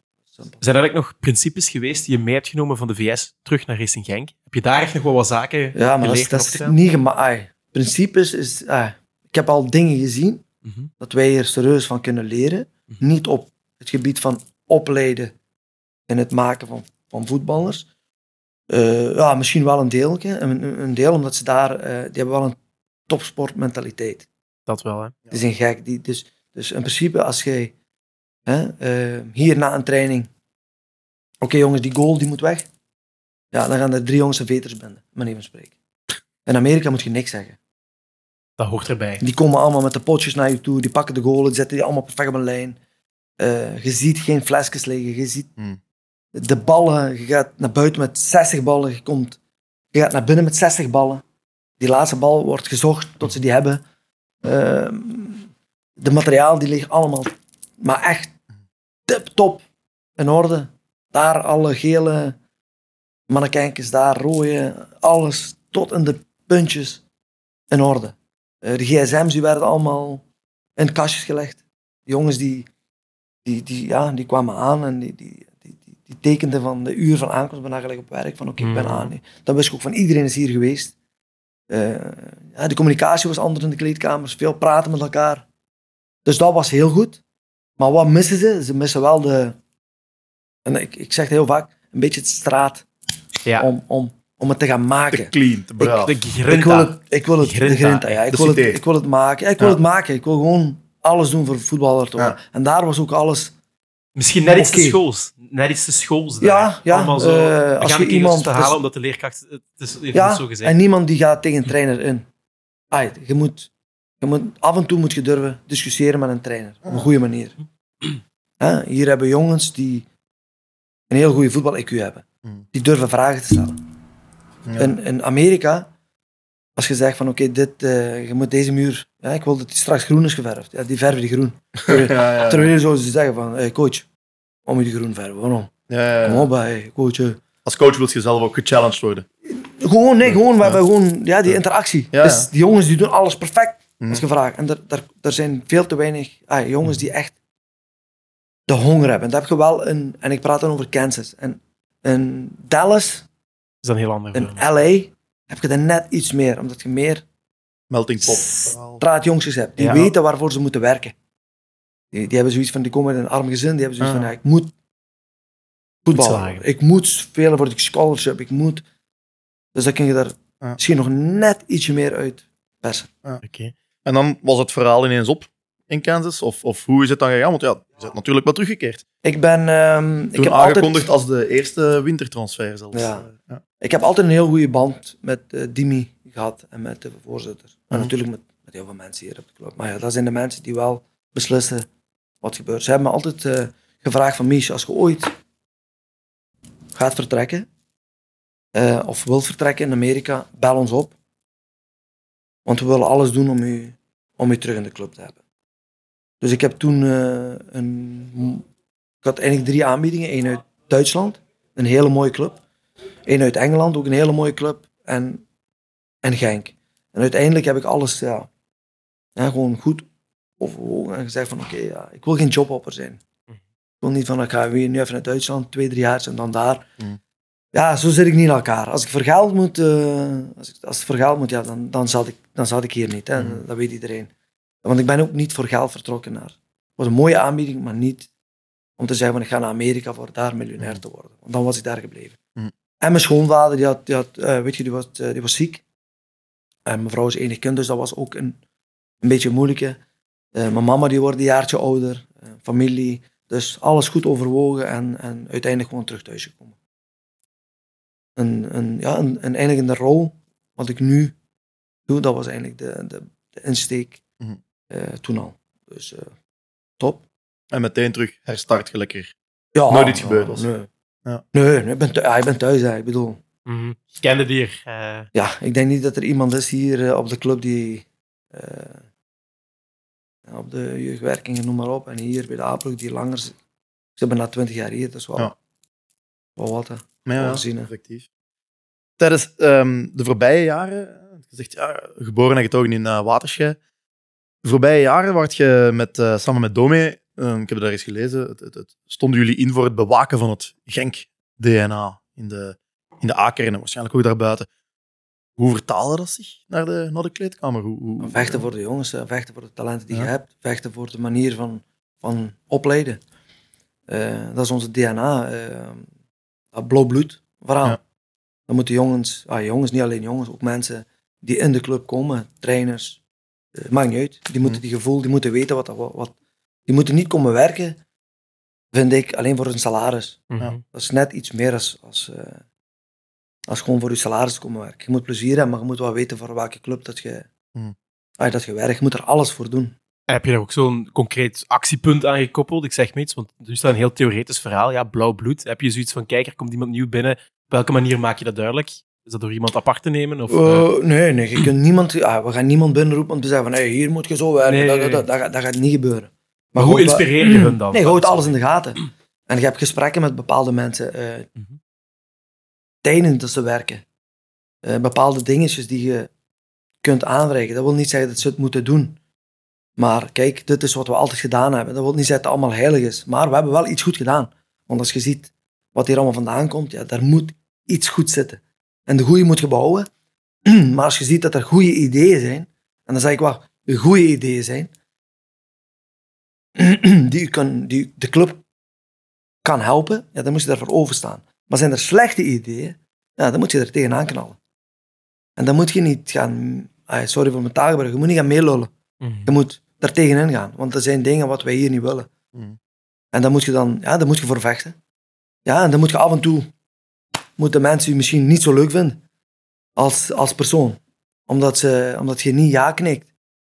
Maar je moet eigenlijk alles doen voor de, voor de filosofie van de club en het DNA, om dat te blijven behouden. Want anders kun je heel snel, voordat je het weet, dan zijn de mensen aan het vragen waar zijn de talenten. En daar moeten wij eh, voor vechten. En waar zijn de jongens van Genk? En, waar is, en wat is er gebeurd met dit? Mhm. dus wij moeten daarvoor vechten. Zo simpel is dat. Ja. Je zegt zelf, waar zijn de jongens van Genk? Is dat, is dat moeilijk om jongens hier van, van de pleintjes naar de club te krijgen? Is, of wordt daarover gewaagd? Ach, is het moeilijk. hè. Voor mij, ik praat, als ik praat jongens van Genk, dan maakt me niet uit waarvan, waarvan ze komen. Ja. Bilal is een jongen van Genk, voor mij. Die, die vier, als je hier vier jaar zit, acht jaar zit, en je komt uit Chalawa, dan zit je voor mij, gelijk ze zeggen, een Genkje. Dus dat maakt me niet uit van waar je komt. En je kunt niet allemaal jongens halen van hier in de omstreken. Die tijd is gewoon helaas voorbij. Eh, als ik een klepperke zie van 13 in Chalawa of in Eupen, ja goed, dan gaan we die halen. De beste voetballers moeten we hier, oh, ai, de beste jongens moeten we hier naartoe halen. Als ik een goeie zie bij Anderlecht, ja, dan moeten we die proberen naar hier te halen. Dus een, als we een hele goeie zijn hier bij Bregel, als er drie hele goeie zijn bij Bregel en die zijn even goed als die drie van Chalawa, ja, dan gaan we die van Bregel pakken natuurlijk. Omdat die jongens zijn van hier. Dus, maar het is niet zo dat ik zeg van oké, dat moeten allemaal Genk jongen. Dat is, dat is onhaalbaar. Dat was vroeger zo en dat is nu zo en dat zal altijd zo blijven. Dus, eh, ja, je zit er juist ook al, hè, Michel, hè, Twitter, dat dat je daar wel eens iets eh, op post. Ja. Hoe zit het inderdaad met die, met die instroom van vragen via online eh, social media kanalen van spelers die zich aanbieden naar, naar makelaars? Van kijk, wil je deze jongen eens bekijken? Word je daar niet Ja, van? makelaars, makelaars is vooral via, via mail, via Mhm. berichten, Ja. WhatsApp berichten, want die hebben mijn Mhm. nummer via die, want ik heb best een redelijke netwerk Mhm. eh, wereldwijd. En al die jaren heb je managers, makelaars soms nodig, want die hebben af en toe een, een, een, een diamantje, gelijk ze zeggen, die je moet halen. Dus je moet wel altijd openstaan voor, voor bepaalde relaties. Ehm, ja, over Twitter. Ja, Twitter ben ik eigenlijk begonnen in Amerika. Eh, en ook dat was weer een, een beetje een strategie, want je zult niet heel veel oefenstof van mij gaan vinden op internet. Eh, maar dat was wel voor jongens aan te trekken om naar de club te komen. Dat was eigenlijk een, een lokmiddel, zeg maar. Een beetje PR. ja, een, ja, een slimme. Want er Ja. alleen uiteindelijk ja, gaat dat, gaan mensen dat kopiëren. eh, en dan verwijdert je dat. Maar ja, als je, als je dat screensaves en noem maar op, ja, dan heb je wat oefenstof. En dat is niet tot in de detail, want de detailwerk zet ik nooit erin. Want dat blijft altijd voor mij en voor de club. Ja. Ja, en vandaar kom, eh, ja, mijn zoon is dit, mijn dit is dit. Kunt je mij helpen met dit? Of, of trainers, eh, hoe pak je dit aan? En, en ik moet zeggen dat ik wel altijd heel netjes probeer te...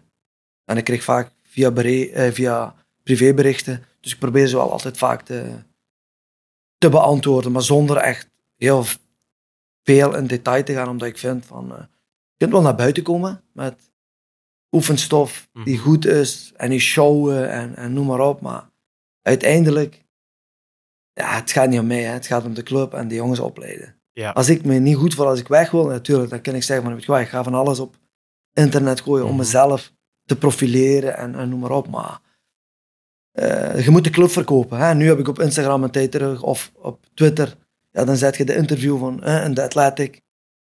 Ja, dat is leuk dat mijn kop erbij staat. Ja. Maar dat is eigenlijk voor de club. Is eigenlijk- ja, Mensen moeten wereldwijd weten wie we zijn. Want we zijn daar, veel te, veel te veel mensen hier op de club zijn daar te braaf in. Mhm. En ik heb zoiets van, je moet gewoon laten zien wat je kunt. Ja. Klaar, want het is niet simpel wat wij doen. Met een relatief klein budget. Met een relatief kleine club. Want iedereen praat. eh, Anderlecht, Ajax, Barcelona. Oh ja, die hebben de meeste doorstroom in al die jaren. Ja, tuurlijk, die zijn 100 jaar oud. Ja. We zijn 30 jaar oud. Maar ik, ik merk wel inderdaad dat in toonaangevende eh, magazines of, of online Ja. kanalen zoals The Athletic, toch echt wel gerenommeerd, dat Racing Genk daar echt wel op een heel positieve manier belicht wordt. Ook toen wij in de Champions League zaten, Echt ja. onze spelers wel uitgelicht werden van kijk eens wat allemaal uit die eh, groentetuin Ja. hier aan het stadionplein... eh, Want er zijn heel veel mensen die dat, niet, die dat, niet, die dat nog niet weten. mhm. Nu begint, ah, nu begint, nu. Ja. Uiteindelijk zijn er al veel mensen die dat wel weten. Maar dat heeft Ja. te maken met Mhm. zulke, in- zulke interviews. Eh, ik heb toen in de tijd eh, La Marca, een hele grote in Spanje, over Yannick Carrasco.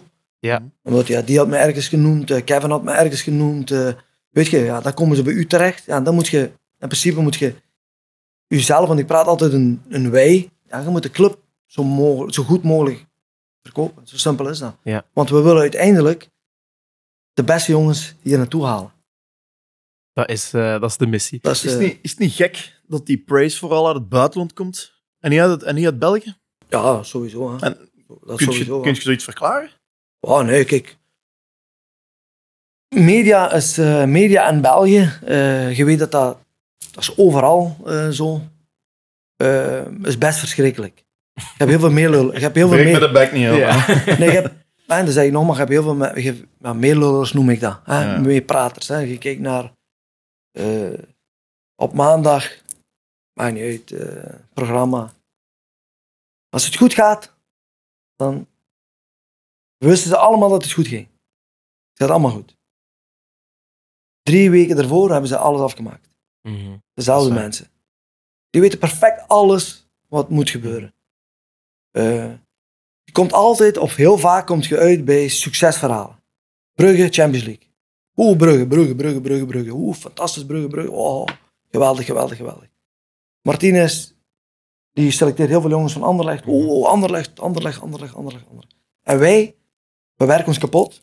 We laten zoveel zien, jaar na jaar, jaar na jaar, jaar na jaar. Af en toe een, een minder jaar gelijk vorig seizoen. Die jaar daarvoor, want mensen vergeten, die jaar daarvoor, je bent dubbel gepakt. Ja.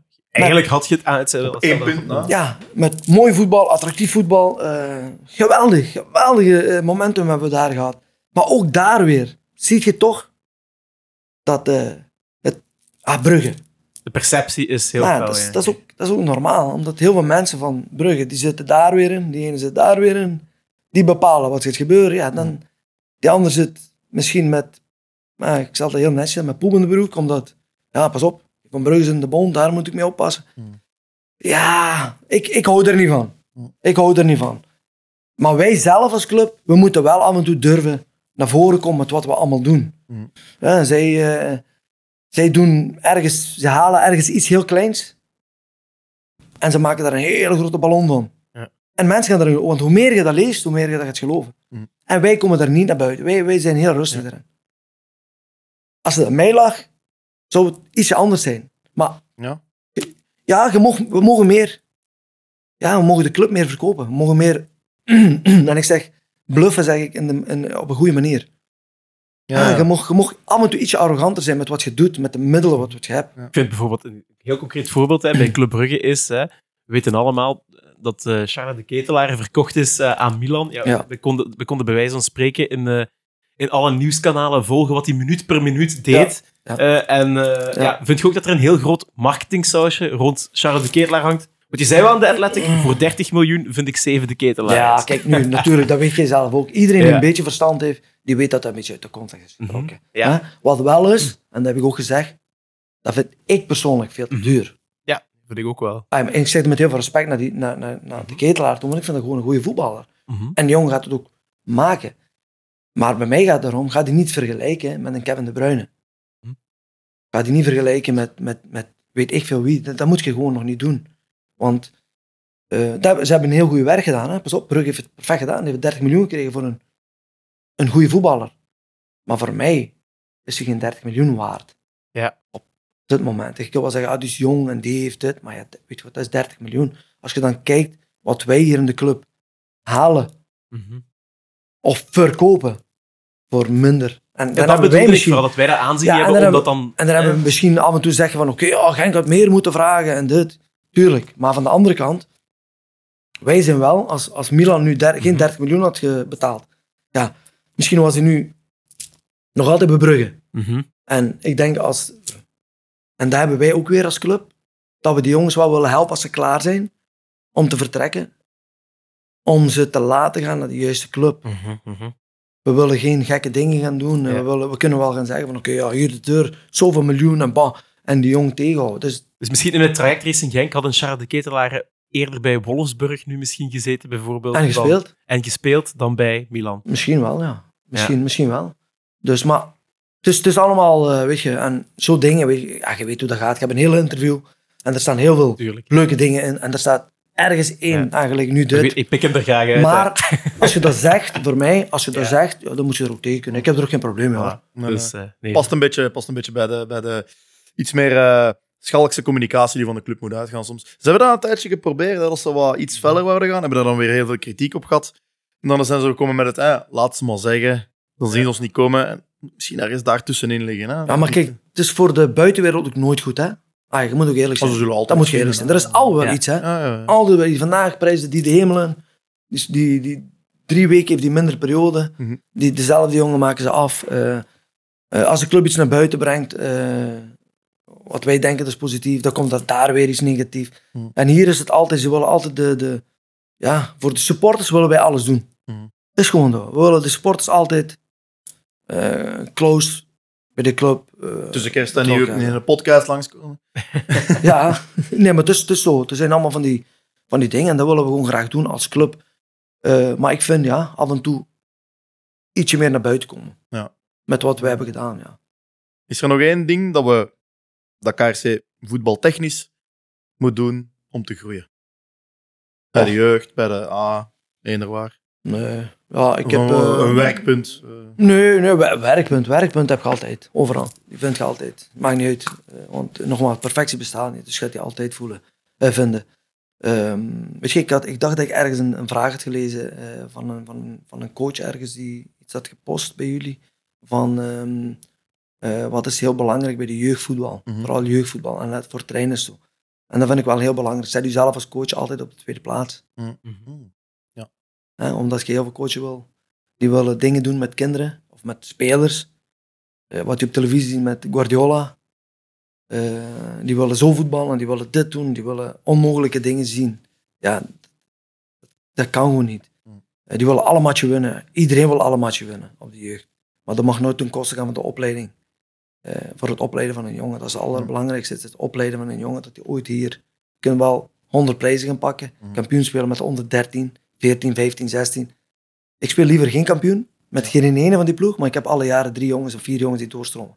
Niels Jansen zei het, hè? jullie doel is niet, allee, bij de jeugd is het doel niet om goede ploegen te maken, maar om goede spelers te Goede spelers te maken. Natuurlijk wil je iedereen proberen zo goed mogelijk te laten voetballen. En dat doen we. En daardoor vallen we ook op eh in, voetbal, in toernooien, grote Mm. toernooien met, met jeugd en, en, en noem maar op. Maar zet u zelf vooral als coach op de tweede plaats. Doe alles voor de jongens en niet om te laten zien, ik ben kampioen geworden, ik heb drie titels gepakt met de U14, eh, Mm.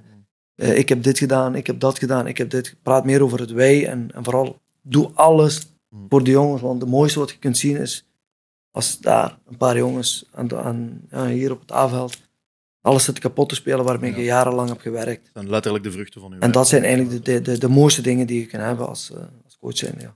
Michel, dat is niet de enige vraag. Die is, eh, is binnengestroomd overigens. Hebben een heel groot krantje aan. Hij heeft ze zelf allemaal gelezen. Hij ze ziet, hij ziet Ja, alles. ziet hè. alles. Ik moet heeft ze eerlijk zelf zijn, ik moet allemaal eerlijk zijn, ik had, die had ik echt wel gelezen. Die had je gelezen en we hebben er redelijk wat gehad. Dus eh, ja, we zouden andere mensen ook oneer aandoen als we hun vraag niet zouden stellen. De meeste zijn al beantwoord en we gaan ze ook niet allemaal stellen, want het zijn er redelijk wat. Anders zitten we denk ik eh, na nieuwjaar nog. En we Mhm. willen toch op zijn minst nog kunnen aftellen tot eh, 2023.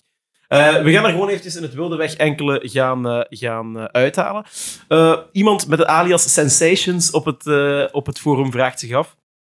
Heb je voorafgaand aan het seizoen al gesproken over je rol met Wouter Franke? Ik heb kort met hem gesproken ja, op de stage.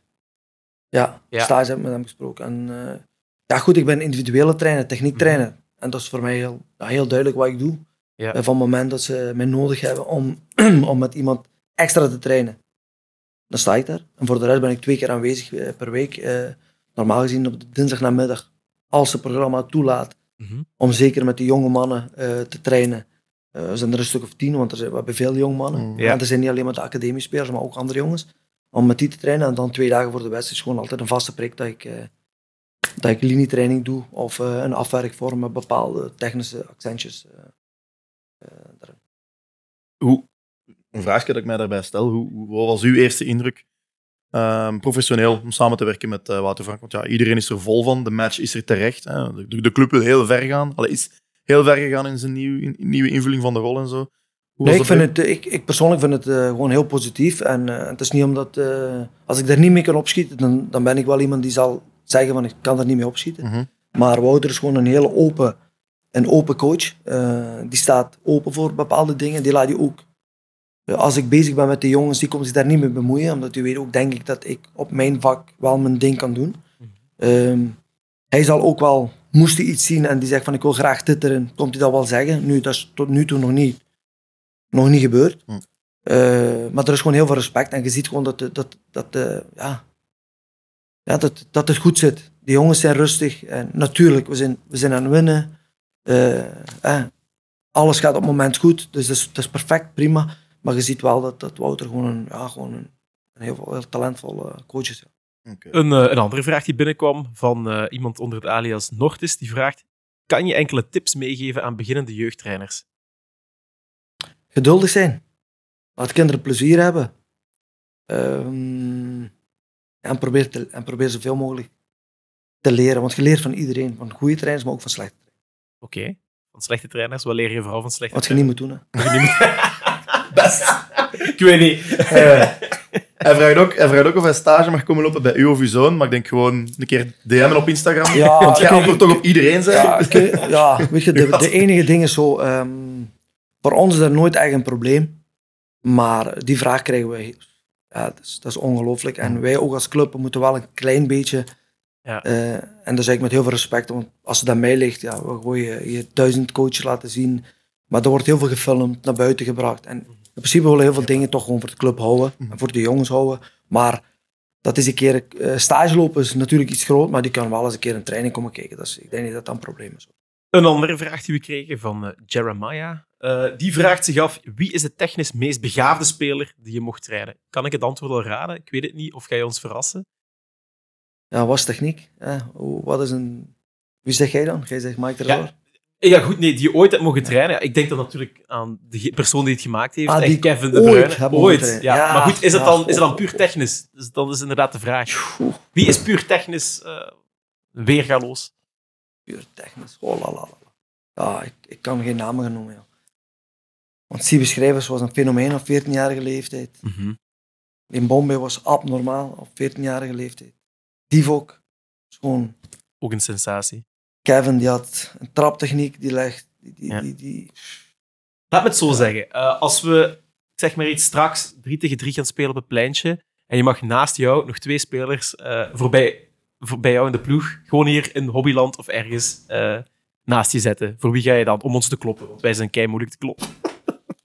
Minigoal, ik sta in de goal. Ze zijn ze aan het zetten op tafel, dus dat is goed. Wauw. Wie mag zijn slofjes aantrekken om langs Michel Ribeiro post te vatten? Milan sowieso. Ja, voor Luca. Luca Ooyen. Twee huidige jongens. Twee huidige jongens, dat is wel heel leuk om te horen. Ja, die jongens, waar we later nog heel veel over gaan praten. Ja, goed. Dus, eh, Als jij oppast met die vliegende tackle op Lucas in de knie... Ja, ja, ik ben wel, ik ben wel redelijk, eh, redelijk bruut. Ja. voilà. Ik zal opletten. Maar goed, ik had, eh, het liefst speel ik met elf of meer andere jongens nog erbij, want er zijn er, er, zijn er eigenlijk genoeg om op te noemen. Ja, dat kan ik wel. Ja. eh, kan ik Maar die mogen dan bij ons in de ploeg of zo. Ja, eh, ja. Sam, Sam Crow, alias Sam Crow, stelt wel een interessante vraag. Welke speler heb je technisch gezien het meest zien groeien? Dus die, die onder de vleugels nam en dacht van, wat is deze? En dan ineens hoge vlucht nam. Moeilijk om namen te noemen, maar dat is blijkbaar wat de luisteraars wel graag hebben. Groot man, hij wijst ernaar. Ja, ik denk dat... dat oh, Voor de luisteraars weet je vol wat, on the de, watch. de, ja, de, verschillen, de verschillen zo. Ik heb heel veel jongens heel veel jaren gehad. Ja. Dus die gaan daarin mee. Dus die ziet je stappen zetten. Maar de cyclus bij Paul is wat kort. Dat, dat, bij, bij Paul is gewoon... En, en heel veel mensen zien dat misschien niet. Mhm. Maar ik, ja, ik zie dat wel. Bepaalde dingen, eh, ja, ik denk dat, dat, dat Paul heel veel, in mijn ogen heel veel vooruitgang heeft eh, geboekt op bepaalde details. Bepaal, echt bepaalde details.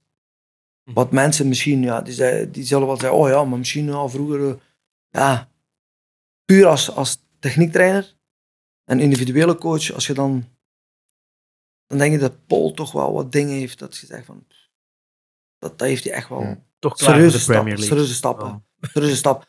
Ja, ja, Paul is een fenomeen. Maar hij wil het ook. Het is, het is, ja, iedereen is zo vol van zijn karakter, van zijn goedaardigheid. Ongelooflijk. Ook naar andere spelers toe. Je gaat hem zelden Top. op, op, op, op foutjes zien betrappen, terwijl ik zelf constant eh, belaagd word. Oké, goed. Ja. Een volgende vraag die eh, binnenkwam van eh, iemand die zich eh, Samen Genk eh, laat noemen, is eh, ja, ook wel een interessante vraag. Vind je het jammer dat Marius Kunkula niet geslaagd is in Genk? Het Finse fenomeen? Of is, is dat, werd dat misschien wat te overhyped? Ik denk dat overhyped is, dat is één, Mhm. hè, eh, denk ik. Ehm, ja, en het is altijd jammer hè, als iemand dat niet haalt. Hè. Dat, is, dat is heel simpel. Hè. Maar uiteindelijk, als speler moet je, ja, moet je bepaalde stappen zetten. Mhm. Eh, en als je die niet zet, en andere jongens, die, die haal je gewoon in en die zijn beter. Ja, goed. Het is zo. Ja. Maar het is, wat, het, is, het is altijd jammer. Hè. Maar het is niet zo dat Marius een... was een goede voetballer, maar ook geen wereld. Ja. Die was niet... eh, Ik denk dat hij voornamelijk meer aandacht kreeg omdat hij net uit Finland kwam op redelijk jonge was leeftijd. dat, wat was dat contractueel daar- moeilijk en, verhaal. Ja, ja, en wat mensen daarvan maken. Die heeft toen een toernooi meegedaan en wat mensen daarvan maken. Weet je, dat gaat heel snel. Blonde jongen. Kevin, die zit alles kapot te spelen. Oeh, die Ja. ligt op Kevin de Bruyne. En dan krijg je... Ja, ja, voilà. Voor je het weet is het... eh, Dat is een jongen van 16, een Finn, die komt hier Ja. zitten. Ik weet niet waar hij gewoon heeft, maar die zit daar alleen. Dat is- Ja, zo van de weg Een moeilijke verhaal. moeilijk om, eh, om te slagen. Er is één heel, heel goede vraag binnengekomen van eh ja, Gnikar Azarov, maar dat is dus Forza Racing, omgekeerd opnieuw een, een, forumlid. Ehm, vanwege uw Portugese roots, ehm, wil, hij, wil of zij u die, die vraag stellen. Ehm, hoe komt het dat Portugal de laatste jaren zoveel goede voetballers aflevert voor een land met ruwweg eh evenveel inwoners als, eh, als België? Wat doen zij anders en wat kunnen wij op vlak van jeugdontwikkeling daarvan leren? Ik denk dat wij eh, niet minder doen als Portugal, hoor. Dat, denk ik, dat denk ik niet, hoor. Ik denk dat... eh, Als je ziet bijvoorbeeld naar, naar Benfica, Porto, de, de, de, de echte opleidingsclubs, die hebben, die hebben toch... we hebben niet meer als ons, hoor. Ben, Ben- Benfica is toch vaste klant in de poules, eh, verder zelfs in de Champions League. Ja, maar niet allemaal met jeugdspelers, ook met heel veel gekochte spelers. Ja, Ja, het is niet dat die allemaal vanuit tegen jeugd komen. Hè. Ja. Als je een hele grote... Als je, een, je, moet, je moet altijd zo denken. Als je eh, gelijk in Portugal zijn de grote clubs. Hè, Porto, Benfica, Sporting Lissabon. Daar loopt altijd heel veel talent, want iedereen wil daar naartoe gaan. Hè, omdat de ploegen daaronder eh, niet goed zijn. Als je dan een goede mix hebt van een toptalent, hè, een elf, João Felix, noem maar op, Mhm. en je zet die dan in een ploeg die heel goed draait, ja, dan... Maar Portugal, ja, die zijn... Ja, qua opleiden, ik denk niet dat Benfica, als wij tegen Benfica spelen met de jeugd, eh, ja, dat die beter zijn dan ons. Hoor. Die zijn wel vroeg, maar wat ons wel is opgevallen is dat ze vroeger matuur zijn. Mhm. Dat hebben ze wel. Die wel vroeger matuur. En, en ze kunnen ook, eh, ja, ze kunnen jongens makkelijk halen. Zeg maar, ze kunnen jongens makkelijk halen. Maar ze kopen ook veel jongens. En ik denk als jij een, hè, het is, het is een, een beetje moeilijk om, om, om het zo te zeggen, maar wij kunnen een speler kopen voor 5 miljoen.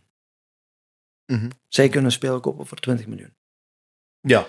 Als een speler van 20 miljoen, en wij moeten in principe verkopen wij een speler aan Benfica.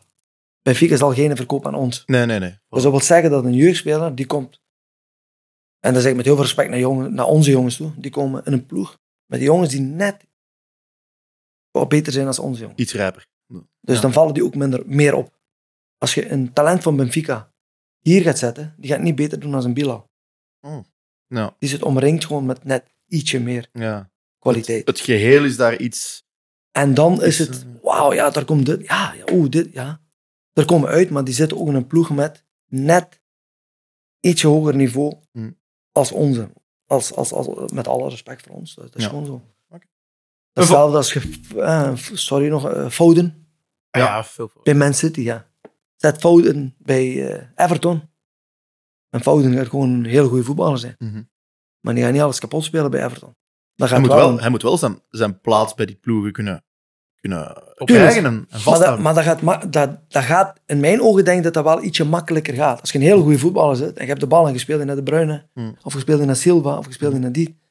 Je hebt altijd oplossingen die u gaan helpen. Ja. Dus dan gaat je ook sneller, het puur talent gaat je ook sneller Ja. identificeren, zeg maar. Het valt eigenlijk terug op het principe van het talent is maar zo goed als de, als de, als de, als de gast waarmee hij in de ploeg staat. Ja. Het helpt. Het helpt. Uiteindelijk moet je het toch zelf doen, maar het helpt wel. Ja. Het helpt wel. Oké, prima. Ehm, dan nog een volgende vraag die we hier hebben. ehm, van een, een eh, persoon die zich John Luku heet. Het is niet de echte John Luku. Eh, die zegt dat de beste spelers een stukje straatvoetbal in hen moeten hebben. Eh, maar wat zijn specifieke eigenschappen naast het solowerk dat je al hebt gezegd? Ehm, en hoe krijg je dat er ingeslepen zonder op de pleintjes te spelen? qua mentaliteit, qua, qua techniek. Qua techniek is het heel makkelijk. Vind ik het makkelijk. Omdat daar zijn wij voor. Dus mijn zoon en ik ben daar eh, voor, voor dat te integreren in het veldvoetbal. Eh, het straat van de jongen zelf, ja, dat kun je daar niet zomaar aan duwen. Dan moet je in principe eigenlijk... Je moet van de straat komen voor te snappen wat er allemaal op de straat gebeurt. Dat is, dat is heel simpel. Je kunt wel een wannabe willen zijn, maar dat gaat, dat gaat niet. Eh, dus je kunt wel wat dingetjes aanreiken van kijk, je moet alles daarvoor doen om prof te worden. Je moet... Ja, je komt van niks, dus je moet proberen ergens... naar- Je moet je familie helpen, je moet dit, je moet dit, je moet dit. Eigenlijk is dat het blauw bloedverhaal. Het, ja, het blauw bloedverhaal, maar die kun je ook ja. perfect in een, in een gewone jonge duo. Maar het straat, echt het straatverhaal, heb je goede dingen, maar je hebt ook heel veel slechte dingen in het straatverhaal. Mhm. Mhm. Je hebt ook heel vaak het straat dat je juist kapot maakt. Ja. Als je daar niet sterk genoeg voor bent om dat te ontlopen. Nou, de demonen van het straat, het hier Ja, materialistische... ge- Ja, eh, het, het kop laten eens opmaken. in Ja. principe. ja niet het laten op, maar Ja. je hebt vrienden, je, je kiest Mhm. bepaalde Ja. routes. Eh, ik ben opgegroeid met jongens die, die niet allemaal heel eh, goed eh, in de hoofd waren, Ja. bepaalde dingen deden alleen, eh, of die s'avonds nog heel laat op straat waren. Waar kies je voor? Kies je Ja. voor? Heb je de discipline om toch te zeggen van oké, ik ga die kant uit, want ik wil absoluut voetballer worden. Of ik ga die kant uit en zeggen van ja, ik ga makkelijk geld verdienen. Ja. Op. Is dat Dus zo niet, zo- niet het verhaal zo van Anthony van den Borre? Zo het eeuwige talent. Zodat hij ah, ik, denk, ik denk dat je heel toch, toch, niet, toch nooit echt zo die structuur of die basis heeft gehad Ja. om dan daarin verder te... Ja, maar dat heeft ook te maken met het, eh, ja, dat heeft te Mhm. maken met de persoon zelf. Hè. Ja, je zelf ook hongerig Ja, zijn. omgeving, je weet niet wat voor prikkels. ja, iedereen is een unique Ja. snowflake. Ja, Dezelfde John Lucu, eh, nog een interessante vraag. Heb je inspraak in de scouting? Kun je zeggen van, ja, hier die eh, Daar wil ik mee in werken. eh, de tweede klasse van Hongarije heb ik gezien? Of zo. Een beetje zo dat eh, voetbalmanagerisme. Nee, ik werk wel eh, ook wel close met Dirk, met de hoofdscout. Ehm, ik stuur wel wat door. Mhm. Eh, Dirk vraagt me af en toe om eens iemand te bekijken en noem maar op, mijn mening, mijn eerlijke mening te geven. Want die geef ik altijd. Zijn dat dan spelers uit een specifieke hoek van de wereld? Nee, want ik ga, zowel ik zelf ben ook altijd op zoek naar talent. En dat doe ik ook wereldwijd. Eh, van 13-jarigen in Ecuador tot een 11-jarige die ik momenteel gezien heb in Rusland. Ja. Eh, die bleven... Hoe ziet je die? Ja, er zijn dan- bepaald, heel veel mensen sturen wel, want die kennen Mhm. een beetje mijn naam, die sturen wel wat dingetjes. Dan gaat je daar, weet je, gaat je dat bekijken. Dat is wel een interessante. Die gaat je dan volgen in Denemarken, hier en daar. Inspraak om te zeggen, van, je moet die pakken. Ik kan wel zeggen, je moet die pakken, maar dat wil niet zeggen dat ze die gaan pakken. Ja, dus als je een jonge voetballer bent en Michel Ribeiro begint je te volgen op eh, Instagram, blijf kalm. Ja, dan, dan, dan, dan heb je Dan me heb je wel- bijna dan binnen. heb je- dan heb je me in ieder geval wel geprikkeld. Dan heb je me wel geprikkeld. Dat wel. Nee. Dat wel. Misschien de laatste supportersvraag. Nog een heel interessante om, eh, om te stellen van, eh, van Johan Verlaak. Eh, dat is een hele filosofische vraag misschien. Maar kunnen we als jeugdopleiding dit hoog niveau blijven aanhouden, ook in de toekomst? Oh, ik, denk dat, ik denk dat moet en Ja. kan. Inderdaad. Het heeft gewoon te maken met als iedereen aan dezelfde koord blijft, eh, blijft trekken. Als mensen niet eh, gaan kiezen voor zichzelf in de plaats van. Ja, maar de principes daar- van de jeugdopleiding als- die, die zijn duurzaam en dat Die model zijn- dat die- blijft die staan. gaan- dat gaat gewoon blijven bestaan. Want als je dat niet doet, ja, dan gaat je jezelf in je voet schieten. Ja. En ja, dat zult je meer ook niet zien uh, hier rondlopen. Dat is heel simpel. Maar we gaan er wel... Daar, daar, moet, daar moet niemand bang voor zijn. Want ik denk wel dat we nog verdere stappen gaan zetten, om eerlijk te zijn. Dat is goed. Dat En denk ik wel. zolang Ribeiro, Michel Ribeiro aan boord blijft, weten we dat het goed zit qua, Ah, qua, qua, ah. qua jeugdwerking. Dan zeg ik, als er in Ribeiro blijft, want ja, mijn is- zoon- mijn ja. zoon is hier ook nog. Dus Ah, die- Voilà, Voilà. voilà. Het, eh, de opvolging is de opvolging is, eh, is Er waren zoveel andere vragen ook van supporters die we, eh, die, we, Terloops ook gesteld hebben. die eh, Michel inderdaad al eh, beantwoord heeft. Dus eh, voilà, bedankt supporters opnieuw voor, eh, voor alle vragen. En dan gaan we rustig door schaatsen, gelijk Schaatsen, wou ik inderdaad zeggen, door schaatsen. En deze eh, winterse sferen is dat, eh, is dat zeker gegrond. Doorschaatsen naar mijn favoriete rubriek. Eh, Michel, we sluiten altijd af, eh, waarbij we peilen of vragen naar onze centrale gast. Ja, wat is uw KRC-nummertje, wat je altijd gaat blijven associëren met een heel leuk moment misschien, of met iets anders in uw blauw-witte geschiedenis? En je mocht zeker uitleggen waarom net dat nummer. Nu, mij persoonlijk eh, eh, is die van DJ Chesso. Let's get down to business. Omdat ja, dat was een periode dat wij... Ja, gewoon een periode dat we de beker hebben gepakt, bijna de titel hebben gepakt. Dat we die even een minuutje voor de wedstrijd, eh, net voor naar buiten gingen. Niet in de kleedkamer, niet bij de jongens, want iedereen heeft zijn eigen... Maar voor mij was dat wel zoiets van, oké goed, even klets erop. En nu gaan we naar buiten, gaan we vlammen. En dat was voor mij even de... Nu nog, moet ik, als ik die liedje ergens, of die nummer ergens hoor, dan heb ik wel nog even die, die, die ding van, goh, dat is mijn nummer. Volle gaas. Dus voilà, ja. Dus eh, gaan we toevoegen, DJ Tiesto, let's get down to business. En dan gaan we direct het veld op. En dan gaan we, en dan gaan we weer een paar, een paar goals maken. En dan hoop ik ook dat eh, Racing Genk in 2023 business weer gaat, eh, gaat deliveren. Hier Ons hopen voor het laatste, de, de dubbel. Voilà, dat zit er gewoon Daar weer. gaan we voor. hè. Mathematisch kan het. Wat? Inderdaad. So let's get down, let's get down to business. Let's get down, let's get down to business.